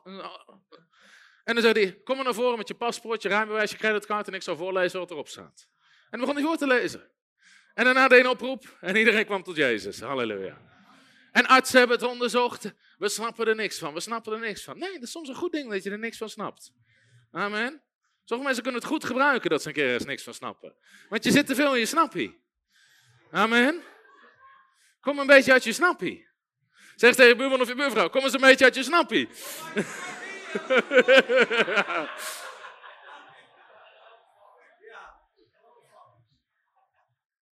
Weet je, het wordt tijd ook in Nederland dat we wat bizarre wonderen gaan zien. Amen. Prijs God voor de rugpijn. We gaan de video doorsturen naar iedereen. We zorgen dat hij erbij komt. Niet kijken voor het eten. Of tijdens het eten. Maar geloof haalt alle onmogelijkheden van ons leven af. Door het geloof, zegt de Bijbel, hebben ze koninkrijk overwonnen, gerechtigheid in praktijk gebracht, beloftes verkregen, muilen van leeuwen gesloten. Door geloof konden de leeuwen niks doen bij Daniel. Door geloof verbrandden ze niet in de vurige oven. Door geloof bouwde Noach een ark. Allemaal door geloof. Heel Hebreeën 11 staat vol met door geloof. Ontvingen Sarah en Abraham kracht om een kind te... Al die dingen, door geloof. Dat is allemaal door geloof. Zie je, dit is het ding. We, in Lucas 1, vers 37 staat: Geen ding zal bij God onmogelijk zijn. Heel veel christenen geloven: bij God is niks onmogelijk. Maar de Bijbel zegt: alle dingen zijn mogelijk voor wie gelooft. Dus bij God is alles mogelijk, maar ook alle dingen zijn mogelijk bij wie gelooft. Dat is wat geloof doet. Geloof koppelt ons aan Gods mogelijkheden. Dat is wat geloof doet. Het haalt alle beperkingen, limitaties van je leven af. Geloof koppelt je aan Gods mogelijkheden. Geloof maakt van een normaal persoon een bovennatuurlijk persoon. Dat is wat geloof doet. Daarom als mensen zeggen, ik ben maar gewoon een christen. Gewone christenen bestaan niet. Je bent een geestvervulde, demon uitdrijvende, zieke genezende, in tongentaal sprekende, profeterende, mensen dopende, discipelende christen. Amen. Gewone christenen bestaan niet. Er is niks gewoons aan een christen. Je bent een nieuwe schepping. Je geest is wedergeboren. Je bent gevuld met de geest van God. God zelf woont in jou. Er is niks normaals aan jou. Maar sommige mensen had ik al gezien aan mijn buurvrouw. Er is niks normaals. Maar er is niks normaal aan jou. Je bent een nieuwe schepping. Dat woord betekent iets wat nog nooit eerder gezien of gemaakt is. Dat ben jij. We gaan beseffen wat in ons woont. En wat we ontvangen hebben. Daarom mogen we leren. Ik heb gezegd, als je het ongelofelijke kunt geloven, kun je het onmogelijke ontvangen. Als je het ongelooflijke, of ongelooflijke kunt geloven, kun je het onmogelijke ontvangen. God heeft van ons zoveel dingen gevraagd in geloof. Of we nou wel zieken genezen, demonen uitdrijven of voorziening. We zijn momenteel bezig met een bouwproject van 8 miljoen. En we gaan het schuldenvrij doen. Halleluja. We gaan het schulden. En iedereen die hey, dat is niet mogelijk. Alles is mogelijk voor wie gelooft. God heeft nooit aan mij gevraagd, Tom, kun je dit betalen? God vraagt, Tom, kun je hiervoor geloven? Hij roept je niet om ergens voor te betalen, hij roept je om ergens voor te geloven. Amen. En als God iets bestelt, betaalt hij de rekening. Amen. Als God iets bestelt, betaalt hij de rekening. God zegt tegen Tom, ik wil dat je al je boeken gratis weggeeft. Hij vroeg niet, kun je dat betalen? Moest er iemand extra in dienst in ons kantoor om heel de dag bestellingen te verwerken? Loodsruimte erbij, nog meer opslagruimte erbij, transporten. Weet ik voor hoeveel pakketten in de week. We hebben bijna 400.000 boeken weggegeven de afgelopen 2,5 jaar. Het was maar goed dat ik dat niet van tevoren wist. Maar God vroeg niet, kan je ervoor betalen? Kan je God ervoor geloven? Amen. Dan zeggen dat kan niet. Alles is mogelijk voor wie gelooft. Amen. Dus kom met dat natuurlijke denken. Soms hoor ik voorgangers. Uh, ja, volgend jaar als we dan 5% groeien in leden, hebben we 5% meer inkomsten, kunnen we 5% meer doen. hey, dat is niet wat het koninkrijk, dat is mensenwerk, dat is menselijke redenatie. Het koninkrijk van God werkt met vermenigvuldiging. Amen. En dat je uit je natuurlijke gang van zaken komt. En God gelooft. Als wij de groei laten zien van frontrunners, iedereen zegt dat kan niet. Dat kan niet. Jawel, als je God gelooft, kan dat wel. Waarom zouden dit jaar geen 5 miljoen binnen kunnen komen? Uh, ja, omdat je twee jaar terug. Maar niet uit wat we twee jaar terug hebben gedaan. Het gaat om wat God nu aan het doen is. Amen. Kom uit je natuurlijke denken.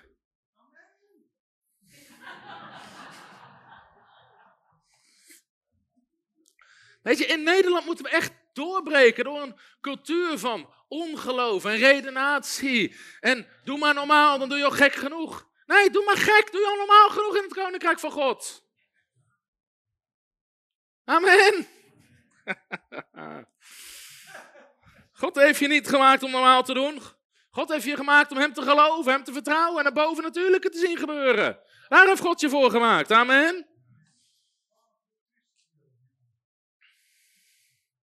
Alles is mogelijk voor wie gelooft. Alles is mogelijk voor wie gelooft. Daarom zeg ik altijd: geloof ook die tekst in Marcus 9, vers 23, even mijn stift erbij. Daar zegt die vader van die maanzieke jongen, die zegt, Heer, als u iets kunt doen, als u kunt iets kunt doen, doe dan iets. En jij zegt, nee, als jij kan geloven, alle dingen zijn mogelijk. Ik zeg, geloof brengt je van als naar alles. Heel veel christenen zitten bij als. Oh Heer, als u iets toch iets kon doen. Als God toch dit. Als God toch dat. Als God toch zus. Die leven in het gebied van als. Maar God wil je hebben in het gebied van alles.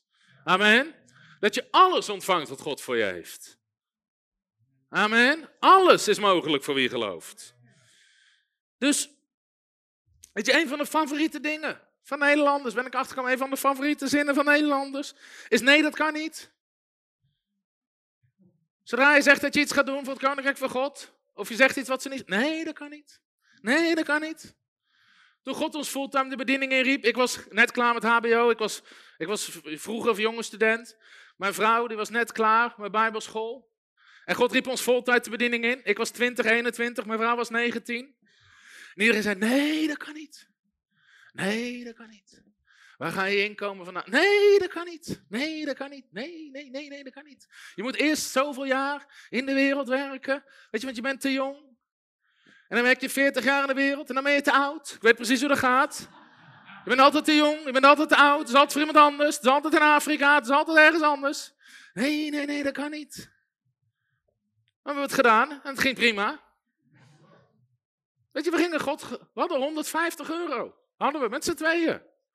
We moesten een huis hebben, inboedel hebben, trouwen, bediening opzetten. Sommige mensen vragen: wat heb je nodig om voltijd de bediening in te gaan? 150 euro en geloof. Amen. Nee, nee, nee, dat kan niet.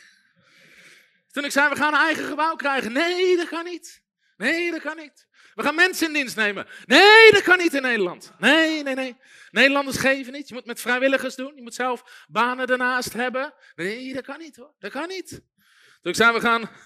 We vragen mensen, wat kost jullie conferentie? Wat kost jullie bijbelschool? gratis. Nee, dat kan niet. Nee, nee, nee. Gratis. Nee, dat kan niet. Dan ga je failliet. Ik heb goed nieuws, we zijn er nog. Halleluja. Sinds het begin doen we gratis conferenties, gratis scholen. Het kan prima. Amen. Maar Nederland zegt, nee, dat kan niet. Nee, nee. Gratis bijbelscholen. Nee, dat kan niet hoor. Dat kan niet. het is Nederland. Amen. Alles erin. Nee, nee, nee. We gaan gratis boeken weggeven. Nee, dat kan niet. Nee, dat kan niet. Nee, nee, nee, nee, nee. We gaan al onze boeken gratis. Nee, nee, nee, dat kan niet, dat kan niet, dat kan niet. Dus we gaan een nieuw gebouw kopen. Oh nee, nee, nee, dat kan niet. Waar ga je geld, waar ga je geld lenen? Bij welke bank? We gaan geen geld lenen. Nee, dat kan niet. Sommige mensen krijgen bijna hartaanval. Nee, nee, nee, nee, nee. We hebben zoveel ontmoedigers in de kerk. Wat? Nee, dat kan niet. Dat kan niet. Wat ze eigenlijk zeggen, ik kan God er niet voor geloven. Ik geloof het niet. Dat is wat ze bedoelen, ik geloof het niet. Maar ik geloof het wel. Halleluja. En alles is mogelijk voor wie gelooft. En alles wat van mensen zei dat we het niet konden doen, hebben we gedaan of zijn we aan het doen. Amen. We hebben één pand, hebben we nu gekocht, schuldenvrij. Stuk bouwgrond ernaast, zijn we aan het kopen, schuldenvrij. De hele bouw gaan we doen, schuldenvrij. Halleluja. Als je God durft te geloven op zijn woord. De Bijbel zegt, onder de zegen zul je uitsluitend uitlenen, nooit hoeven te lenen. Dat is de zegen van God. Nee, dat kan niet. Ja, dat kan wel. Dat kan wel. Het heeft te maken, waar kan je God voor geloven?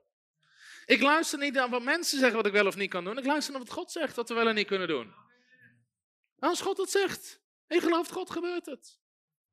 Het is niet eens mensenwerk, het is, niet wat, het is wat God zegt. Amen. Het is niet de wil van God dat mensen in allerlei ellende, onmogelijkheden en beperkingen leven. Maar God is niet het probleem, onze denkkaders zijn het probleem. Wij kunnen God beperken. Wij kunnen God beperken. Door wat wij geloven, wat wij denken en wat wij zeggen.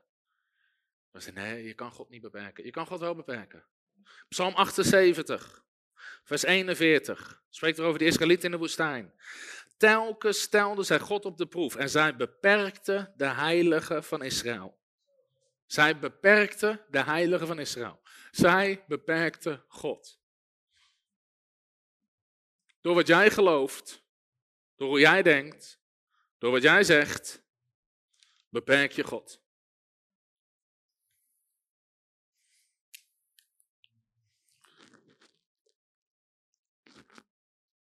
In Marcus 6 lezen we dat Jezus in Nazareth kwam. En Jezus deed allerlei grote wonderen. Sterker nog, aan het eind van het hoofdstuk, in Marcus 6 uit mijn hoofd in vers 56, staat dat alle die hem aanraakten werden gezond. Maar in Marcus 6 in Nazareth staat, en hij, Jezus, kon daar geen kracht doen. Staat niet, hij wilde het niet. Hij kon het niet. Hij legde slechts enkele zieken de hand op en genas zijn. Er waren geen grote wonderen. En hij verwonderde zich over hun ongeloof. Dus God werkt met ons geloof of is beperkt door ons ongeloof.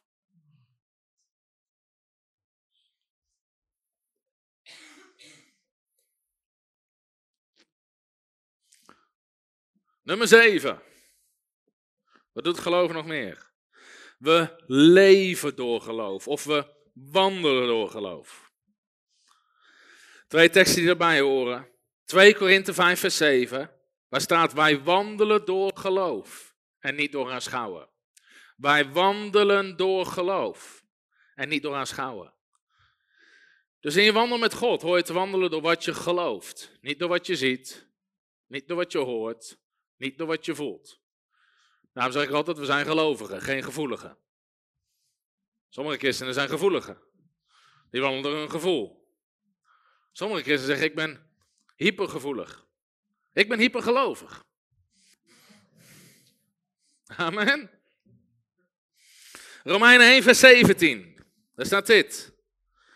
Want de gerechtigheid van God wordt daarin geopenbaard. Uit het geloof tot het geloof.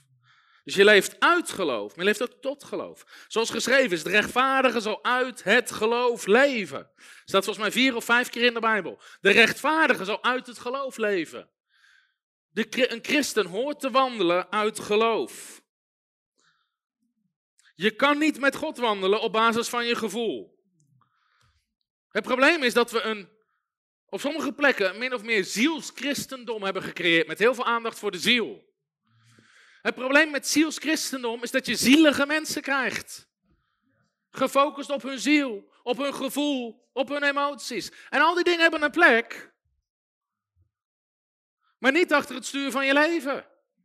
Daar zit je wedergeboren geest. En de Bijbel zegt, met je geest geloof je God. Je geest wandelt uit geloof. Dus je ziel, ja, je hebt wel een ziel. Alleen je moet leren om daarmee om te gaan. En je gevoel en je emoties de juiste plek te geven in je leven.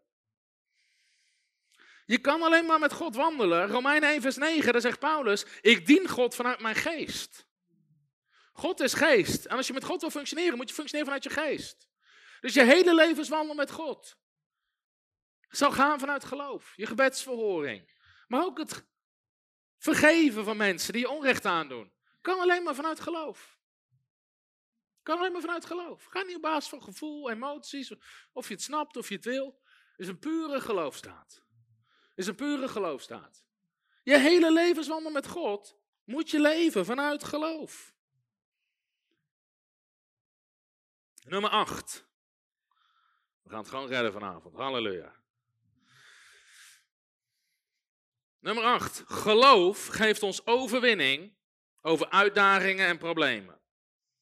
Geloof geeft ons overwinning. Zeg eens, geloof geeft mij overwinning. Over uitdagingen en problemen.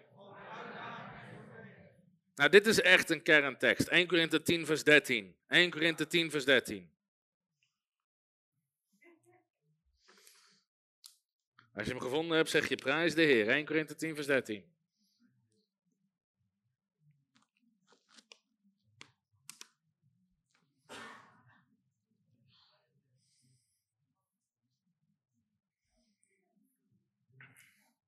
Daar staat dit.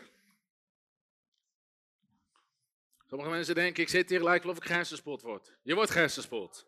Ik zal het je gewoon vertellen. En je hersens moeten gespoeld worden. De Bijbel zegt, je moet je denken vernieuwen. Amen. Je moet je hersens spoelen. Meer dan een menselijke verzoeking is u niet overkomen. En God is getrouw. Hij zal niet toelaten dat u verzocht wordt boven wat u aankunt. Maar hij zal met de verzoeking ook de uitkomst geven. Om die te kunnen doorstaan. God staat niet toe dat jij verzocht wordt, dat er problemen, dat er uitdagingen in je leven komen die je niet aan kan. Alle uitdagingen op jouw pad kan je overwinnen door geloof. Alle uitdagingen. Dit is ook zo'n kerntekst. 1 Johannes 5, vers 4. Al wat uit God geboren is, dat ben jij. Je bent uit God geboren. Zeg eens, ik ben uit God geboren. Overwint de wereld. En dit is de overwinning die de wereld overwonnen heeft. Ons geloof. Je bent uit God geboren. En je hebt geloof. En daarmee kan je alles wat je in deze wereld tegenkomt overwinnen.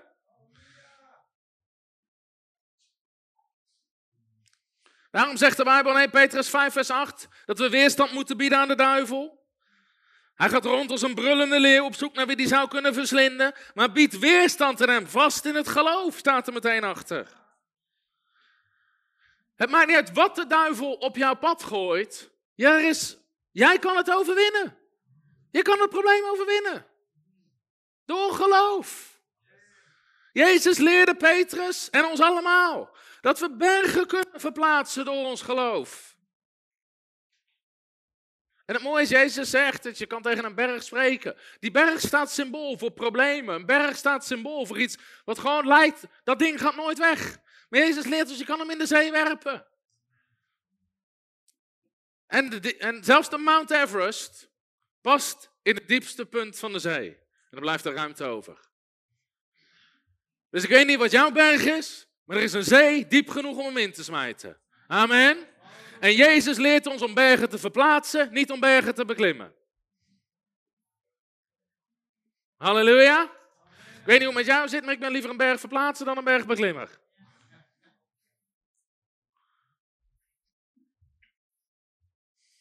Jezus leerde ook zijn discipelen om de storm te stillen. Weet je, ik heb meer preken gehoord over volhouden in de storm dan de storm laten liggen. Hou vol in de storm, broer. Nee, laat die storm liggen, broer. Kom op, gebruik je geloof. Ben aan het volhouden in de storm. Ben aan het volhouden. Stop met volhouden in de storm. Ben de berg aan het beklimmen. Stop met die berg beklimmen. Verplaats die berg. Stil die storm. Amen.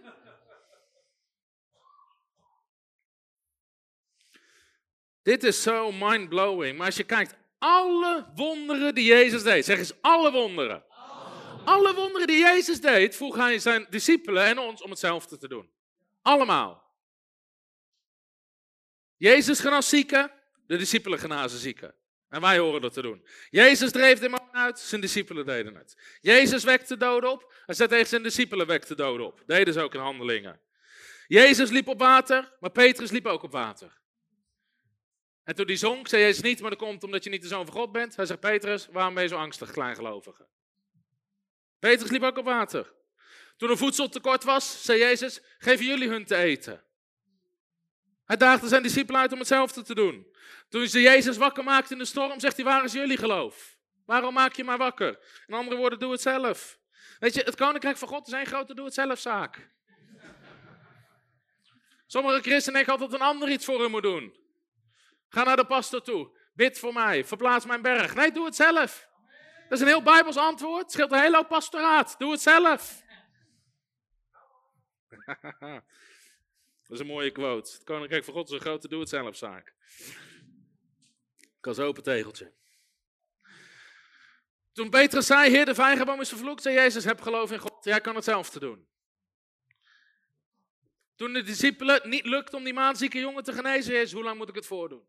Heer, waarom konden we het niet? Vanwege jullie ongeloof. Elk wonder daagde Jezus zijn discipelen uit. Om het ook te doen. Bovendien zie je, weet je, ik heb een hele radicale preek.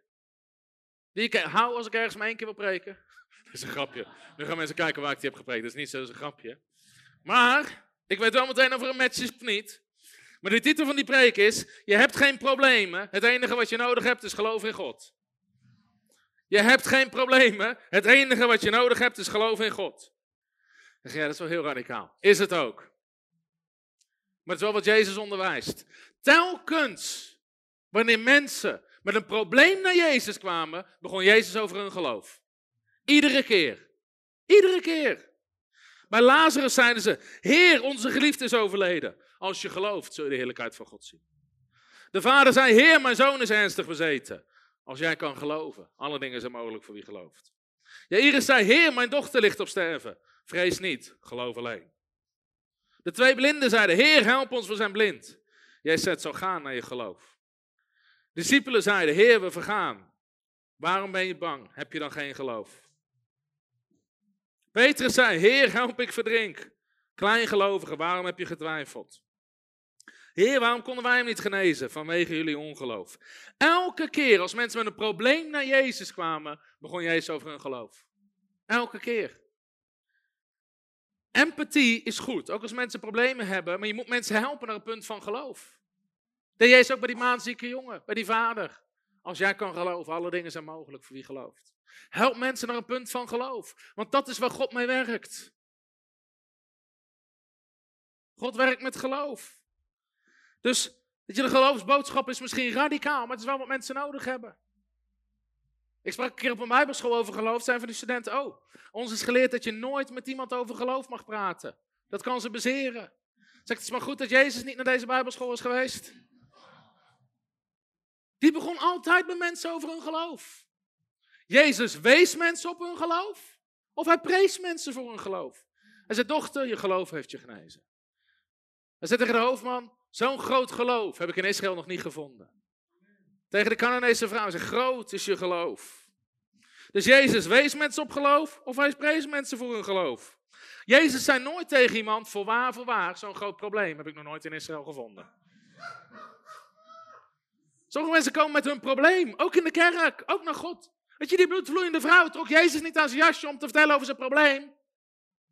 Uh, ja, heer, ik heb dit al twaalf jaar lang bloedverloop, ik ben arts geweest met dit en dat. Zo komen sommige christenen. Uh, bid voor mij, ik heb dit, ik heb het al zo lang. Dit zegt de arts, die zegt die, dit zegt die. Ik heb een buurman, die heeft een tante, die heeft een buurvrouw, die loont daar weer naast. En die heeft het ook en dat is ook heel verschrikkelijk gegaan. Ik ben al bij die geweest, bij die geweest, bij Herman Boog geweest, bij Martin Consta geweest, ben daar geweest, Jan Zelstra geweest, maar die is er nu niet meer, kan ik niet meer naartoe. We beginnen, we beginnen met een probleem. Maar die bloedvloeiende vrouw vertelde achteraf het hele verhaal. Als getuigenis. Vooraf kwam ze alleen met de geloof. Jezus heeft nooit zo'n groot probleem, heb ik nog nooit in Israël gevonden. Hij zei wel zo'n groot geloof, heb ik nog nooit in Israël gevonden. Weet je, er is maar één ding in de Bijbel waar Jezus zich over verwondert. Dat is geloof of ongeloof. In Nazareth staat er, hij verwonderde zich over een ongeloof.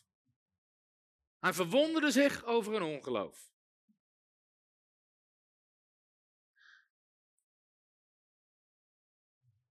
En bij die hoofdman zei hij, zegt maar, hij verwonderde zich over hem vanwege zijn grote geloof. Ik heb besloten, als Jezus verwonderd gaat zijn, gaat zijn over mijn geloof, niet over mijn ongeloof. Amen. Ik zeg, Heer, ik geloof u daarvoor. Daarvoor? Ja, daarvoor.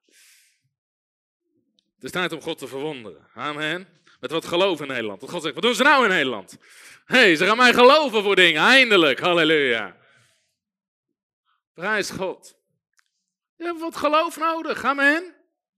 Ook in kerkdiensten, genezingsdiensten. Dat je een oproep doet en zegt, kom naar voren, kijk wat er gebeurt. Zeg, kom naar voren, we gaan zieken genezen. Kom naar voren, je gaat genezing ontvangen. Amen. Negende ga ik heel kort over zijn. Namelijk geloof is een schild tegen alle aanvallen van de vijand. Heb ik een boekje over, schild van geloof. Kan je gratis meenemen of gratis bestellen. Zo hoef ik het nu niet lang over te hebben. Wie heeft het boekje al gelezen? Kijk, heel veel mensen. Je leest hem echt in een uurtje, lees je hem uit. Het is een heel klein pocketboekje. En, uh, dus je neemt hem achteraf mee. Maar Efeze hoofdstuk 6 leert ons, neem bovenal het schild van het geloof op. Waarmee u alle vurige pijlen van de boze zult blussen. Dus jouw geloof werkt als een schild. Dat leert ons nog iets over geloof. Geloof gebruik je om van God te ontvangen en dingen van de duivel af te stoten. Zie je dat?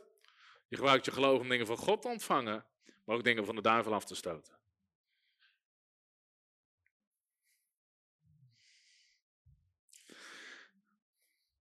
En in mijn boekje heb ik vijf punten over het schild van geloof.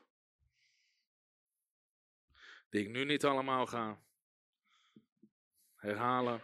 Maar lees het boekje, het gaat je echt zegenen.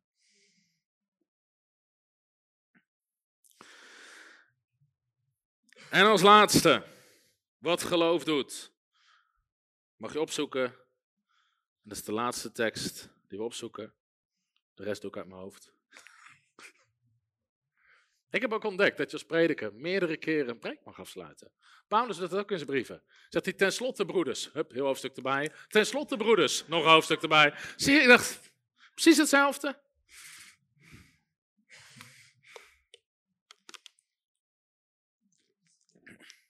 Ben je al gezegend vanavond? Begint er iets te gebeuren in je hart als je over geloof hoort? Wie heeft er nu al nieuwe dingen geleerd? Openbaring over geloof. Amen. En het was de eerste avond. Halleluja. Het tiende wat geloof doet, Hebreeën 11 vers 33 zegt, zij hebben door het geloof, en dan staat er koninkrijken overwonnen.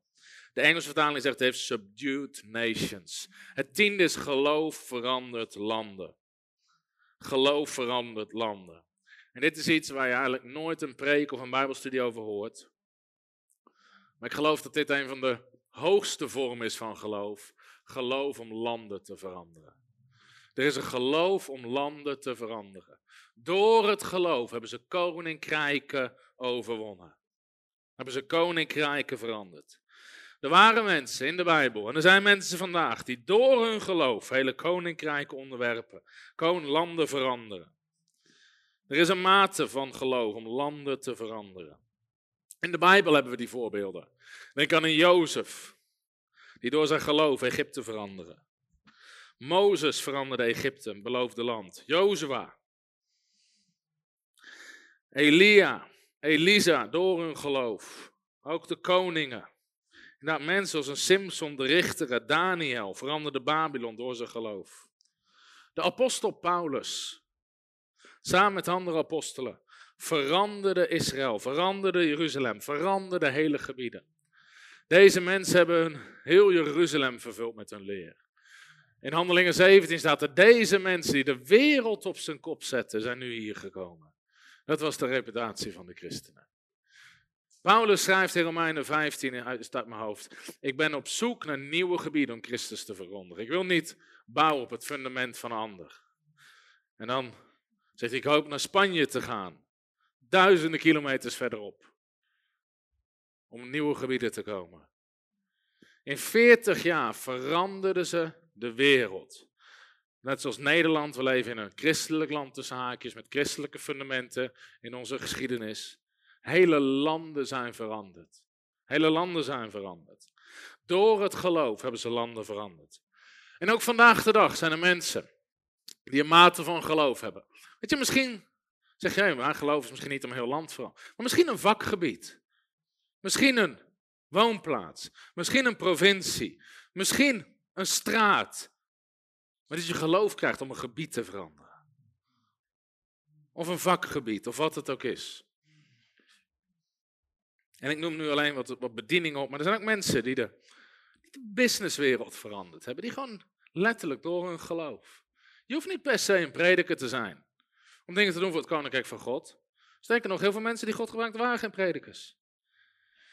Er waren, wat een Amerikaan waar ik moet denken. William Belk heette die, van de Belk Department Stores. Volgens mij heette die William. Hij zei, hij had een soort warenhuis. Hij zei, voordat ik een nieuwe locatie bouw, dus een nieuwe vestiging van mijn bedrijf, zoek ik eerst een kerk op die een nieuw kerkgebouw nodig heeft, die eruit groeit. Bouw ik een nieuw kerkgebouw en dan pas bouw ik mijn bedrijf terug. Aan het eind van zijn leven had hij 335 kerkgebouwen gebouwd voor kerken. 335. Geen prediker, geen voorganger, zakenman. Die verbond ging met God. En zo zijn er veel. Weet je, ik, los van. Maar ook, ook in Nederland hebben we dat soort mensen nodig. Die snappen dat ze in de businesswereld minstens zoveel, misschien nog meer kunnen doen voor het koninkrijk van God. Of die als lerares, of waar je ook geplaatst bent. Dat je van invloed bent voor het koninkrijk van God. Jaren terug sprak ik in een dienst. Iemand die ik nog nooit had gezien, ging helemaal achteraan zitten, een lange vent.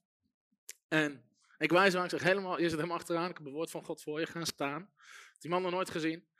Ik zeg, ik zie dat je handen legt op zieken, maar je kan niks zeggen. En je vraagt je af, genezen ze of niet? En God zegt ze genezen door je handen, ook als je niks zegt. En die man die werd geraakt. En hij kwam naar me toe achteraf. Hij zei, dit is precies mijn gebed. Hij zei, ik ben ambulancechauffeur. Heel vaak leg ik handen op zieken, maar vanwege alles wat er gaan is, kan ik niet uitgebreid voor ze zitten bidden. En ik vroeg me altijd af, Heer, genezen ze? Ook als ik niks kan zeggen. En precies de vraag die in zijn hart zit, profiteerde ik uit over zijn leven. Het ding is, hij is ambulancechauffeur. Wonderen vonden plaats. Gewoon, hij kwam op plekken waar ik niet kon. En ging gewoon staan in zijn autoriteit. Er gebeurden machtige wonderen. Dus waar jij ook geplaatst bent. Weet is geloof om gebieden te veranderen. De evangelist Reinhard Bonke kreeg een visioen van een Afrika, wat gewassen werd in bloed. Het bloed van Christus. En tijdens zijn bediening maakten 75 miljoen mensen een keuze voor Jezus. 75 miljoen. Je kan video's opzoeken van campagnes waar 3 miljoen mensen in één campagne een keuze maken voor Jezus. Hele landen zijn veranderd. Toen ik in Burundi moest spreken, waren ontzettend veel wedergeboren christenen. Ik vroeg aan mijn gids, hoe komt het dat er zoveel wedergeboren christenen zijn? Hij zei, door de bediening van Reinhard Bonk is ons hele land in één week veranderd. Hij zei, er wonen 10 miljoen mensen. Het was een, van oorsprong, Rooms-katholiek land, maar meer in de roots. Niemand deed er iets mee, geen actief geloof. Gewoon een soort volksgeloof. Hij zei, toen kwam Reinhard Bonke. Meer dan een miljoen mensen kwamen naar zijn campagne. 10% van de inwoners van het land gaven hun leven aan Jezus. En sindsdien is de meerderheid van ons land zijn wedergeboren christenen. Zijn bediening veranderde een land. T.L. Osborne heeft Nederland veranderd. Toen hij, ergens toen hij 30, ergens net in de 30, volgens mij was hij 35, toen hij naar het Malieveld ging. Volgens mij was het 56 of 58. In 58. Je kan het opzoeken, Holland Wonder op YouTube. Waar 100.000 Nederlanders iedere dag samenkwamen. Op de trams en de treinen stond niet Malieveld, stond T.L. Osborne. En mensen genazen, het was de start van de Pinkstergemeente, de charismatische beweging in Nederland als het ware, de doop in de geest, heel veel is daaruit voortgekomen. Een jonge man, in zijn dertig jaren. Je kan de affiches, kan je nog vinden. Hij zegt, ik ben geen, ik ben geen bijzondere theoloog, ik ben, niet, ben gewoon een boerenjongen. Ik kom, het, ik kom gewoon het woord van God prediken. Als mensen het geloven, zal God wonderen doen in hun midden. Gewoon zo eenvoudig. En God gebruikt hem om ons land te veranderen. Weet je dat de bediening van John G. Lake Nederland heeft veranderd? John G. Lake veranderde sowieso Zuid-Afrika. Vijf jaar bediening. Hij stichtte meer dan 500 kerken in vijf jaar. En weet ik voor hoeveel tienduizenden genezingen. Daarna ging hij vijf jaar wonen in Spokane, Washington. En er waren meer dan 100.000 door artsen geregistreerde genezingen door zijn bediening. En Washington werd de gezondste stad ter wereld. Spokane, Washington. Officieel uitgeroepen, door zijn bediening. Op een gegeven moment de koningin van Nederland, volgens mij was het koningin uh, Juliana of Wilhelmina, kon geen kinderen krijgen. Had vijf of acht miskramen gehad. Totdat ze John G. Lake vroeg om voor haar te bidden. Hij bad voor haar. En, kreeg, en ze kreeg de dochter. Nederland is veranderd door zijn bediening. Jan Sjoerd Pasterkamp, nog zo'n voorbeeld van Papua Nieuw-Guinea. Hoe zijn bediening dat land heeft veranderd. Meer dan 600 gemeentes kwamen daaruit voort. Opwekking op de Solomonseilanden daar. Maar vlak voor de dood van Jan Sjoerd, Jan Sjoerd was mijn geestelijk vader, was er een onderzoek van wetenschappers naar die opwekking die daar gaande was. En hoe is dat ontstaan? En ze kwamen 50 jaar geleden uit bij de naam Jan Sjoerd Pasterkamp. En ze belden nog iets van 50 jaar daarna op. We komen uw naam tegen bij die opwekking. Was toen, toen begonnen, toen hij daar predikte. En het land letterlijk veranderd.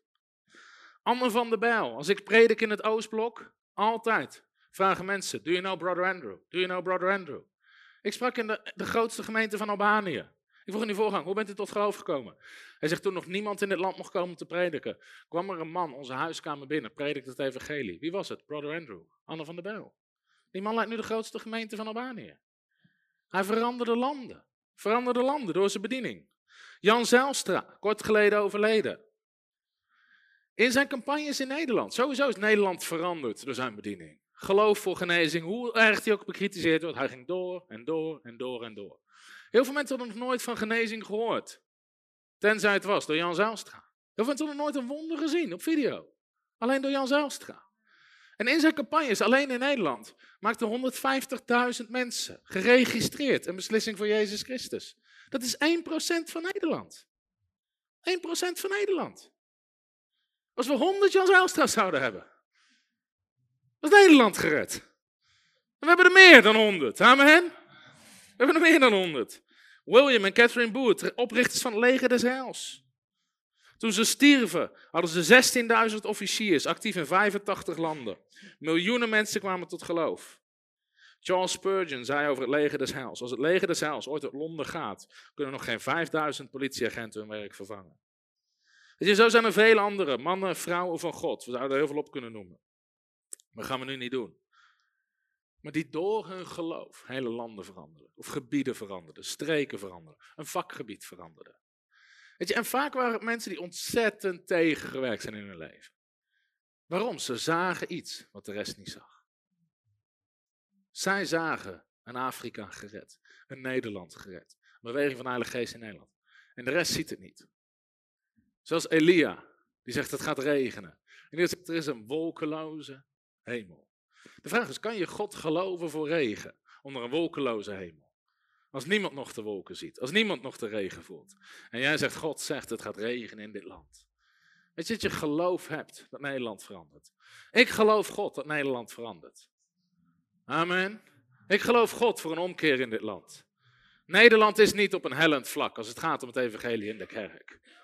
Nederland zal gered worden. Kerken zullen gesticht worden. Opwekking zal uitbreken. Amen. De duivel zal Nederland niet hebben. Islam zal Nederland niet hebben. Vrijmetselarij zal Nederland niet hebben. Jezus Christus is Heer over Nederland. Amen. Halleluja. En we geloven God voor regen onder een wolkeloze hemel. Dus mensen mij vragen, waarom preek je zoveel over geloof? Waarom? Omdat ik wil dat mensen worden gered. Omdat ik wil dat mensen God behagen. Omdat ik wil dat onze gebeden beantwoord worden. Omdat ik wil dat we Gods beloftes ontvangen. Omdat ik wil dat mensen wandelen in geloof, een levenswandel hebben. Ik wil dat mensen in een beloofde land komen. Ik wil dat mensen onmogelijkheden overwinnen. Ik wil dat mensen geen nederlagen hebben, maar overwinning. Ik wil dat ze een schild hebben tegen de duivel. En ik geloof dat landen gaan veranderd worden. Amen. Daarom prediken we over geloof. Dus dat is wat geloof doet. Halleluja. Ben je gezegend vanavond? Prijs de Heer. Ik hoop ook dat de mensen die thuis kijken uh, gezegend zijn door dit onderwijs. Het was pas de eerste avond. En zo gaan we de twaalf hebben. Halleluja. Over wat geloof doet. En om af te sluiten, nog een, uh, nog een paar mededelingen. Ik wil sowieso iedereen die dit kijkt, ook online, maar ook mensen hier in de zaal. Als je wil geven, als je een gif wil geven, wil ik je die kans geven. En mensen die kijken online, en ook hier in de zaal, als je nog geen partner bent van Frontrunners, wil ik je vanuit uitnodigen gewoon een partner te worden met een maandelijkse bijdrage. Mensen die online kijken, als je partner wordt, krijg je zo deze gave giftbox, krijg je als eerste gratis thuisgestuurd. En er komt nu een, uh, op de, voor de mensen die thuis zitten kijken in hun scherm, je kan ook naar frontrunnersministries.nl slash partners. En voor mensen die hier in de zaal zitten, je kan even de machtiging pakken onder je stoel en die invullen. En ik denk zelfs dat we nog wel pennen beschikbaar hebben. Dus als je een pen nodig hebt, maar ik denk dat je al aantekeningen hebt zitten maken, hou even je hand in de lucht. En neem gewoon even tijd om het in te vullen. Ook als mensen eenmalige gift willen geven.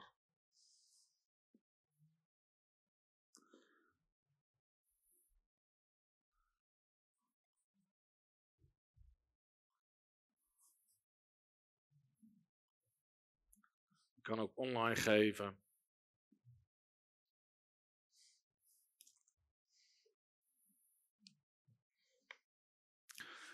En verder kan mededelingen. Deze box komt dus eind mei uit. Ook gewoon de boeken, die zullen ook gratis in onze webshop staan. Dus je kan het uh, allemaal gratis bestellen. Al onze boeken zijn gratis. Voor de mensen die thuis kijken, je kan ze gewoon bestellen in onze webshop. Mensen die hier zijn, achterin ligt een boekentafel. Je mag zoveel boeken meenemen als je wil. Ook voor je huisgroep, voor je kerk, waar je het ook wil gebruiken. Uh, je kan ze gewoon meenemen, dus die kan je zo meteen meenemen. En de komende elf weken zullen we dus een combinatie hebben van Faith School en Voice of Faith. En we geloven gewoon dat God echt iets gaat doen door deze school heen. Amen. Zullen we gaan staan en de mensen thuis kunnen ook gewoon meebidden. Om God te danken voor deze avond. Als mensen nog aan het invullen zijn, je kan zo rustig verder met invullen. En Laten we inderdaad uh, usjes maar even, als mensen een machtiging hebben ingevuld, kan je hem naar voren brengen. Dat is even het makkelijkste. En dan staat hier iemand met een box waar je machtiging in kan vullen. Halleluja, dank u vader voor deze eerste avond. Voor iedereen die online heeft gevolgd, iedereen die hier zat. Heer, we willen gewoon het zaad wat gezaaid is in alle harten, Heer, willen we verzegelen dat de duivel het niet zal stelen. Maar dat het in goede grond zal vallen, waar het honderdvoudig vrucht zal dragen. Heer, we breken alle redenatie, ongeloof, religie, in de naam van de Heer Jezus Christus, dat de waarheid van het woord van God er doorheen zal breken, mensen totaal vrij zal zetten. Dat uit al deze lessen, Heer, dat er gewoon machtige werk uit voort zullen komen, die gedaan worden in geloof. Wil iedereen zegen, ook die hier fysiek aanwezig was, iedereen die kijkt, met de zegen van de Heer, dat je de kop zal zijn en niet de staart. Dat je uitsluitend omhoog zal gaan en nooit omlaag. Dat je gezegend zal zijn waar je ook gaat en staat. Dat je boven natuurlijk beschermd zal zijn in de machtige naam van de Heere Jezus Christus. Amen en amen. Prijs God, goed dat je er was en tot volgende week. Amen. Hallo, Tom de Wol hier en bedankt dat je weer geluisterd hebt naar onze podcast. Ik bid dat het je geloof gebouwd heeft en je bemoedigd bent. Als je niet alleen een luisteraar van onze boodschap wil zijn, maar ook een verspreider daarvan, wil ik je uitnodigen om partner te worden van Frontrunners.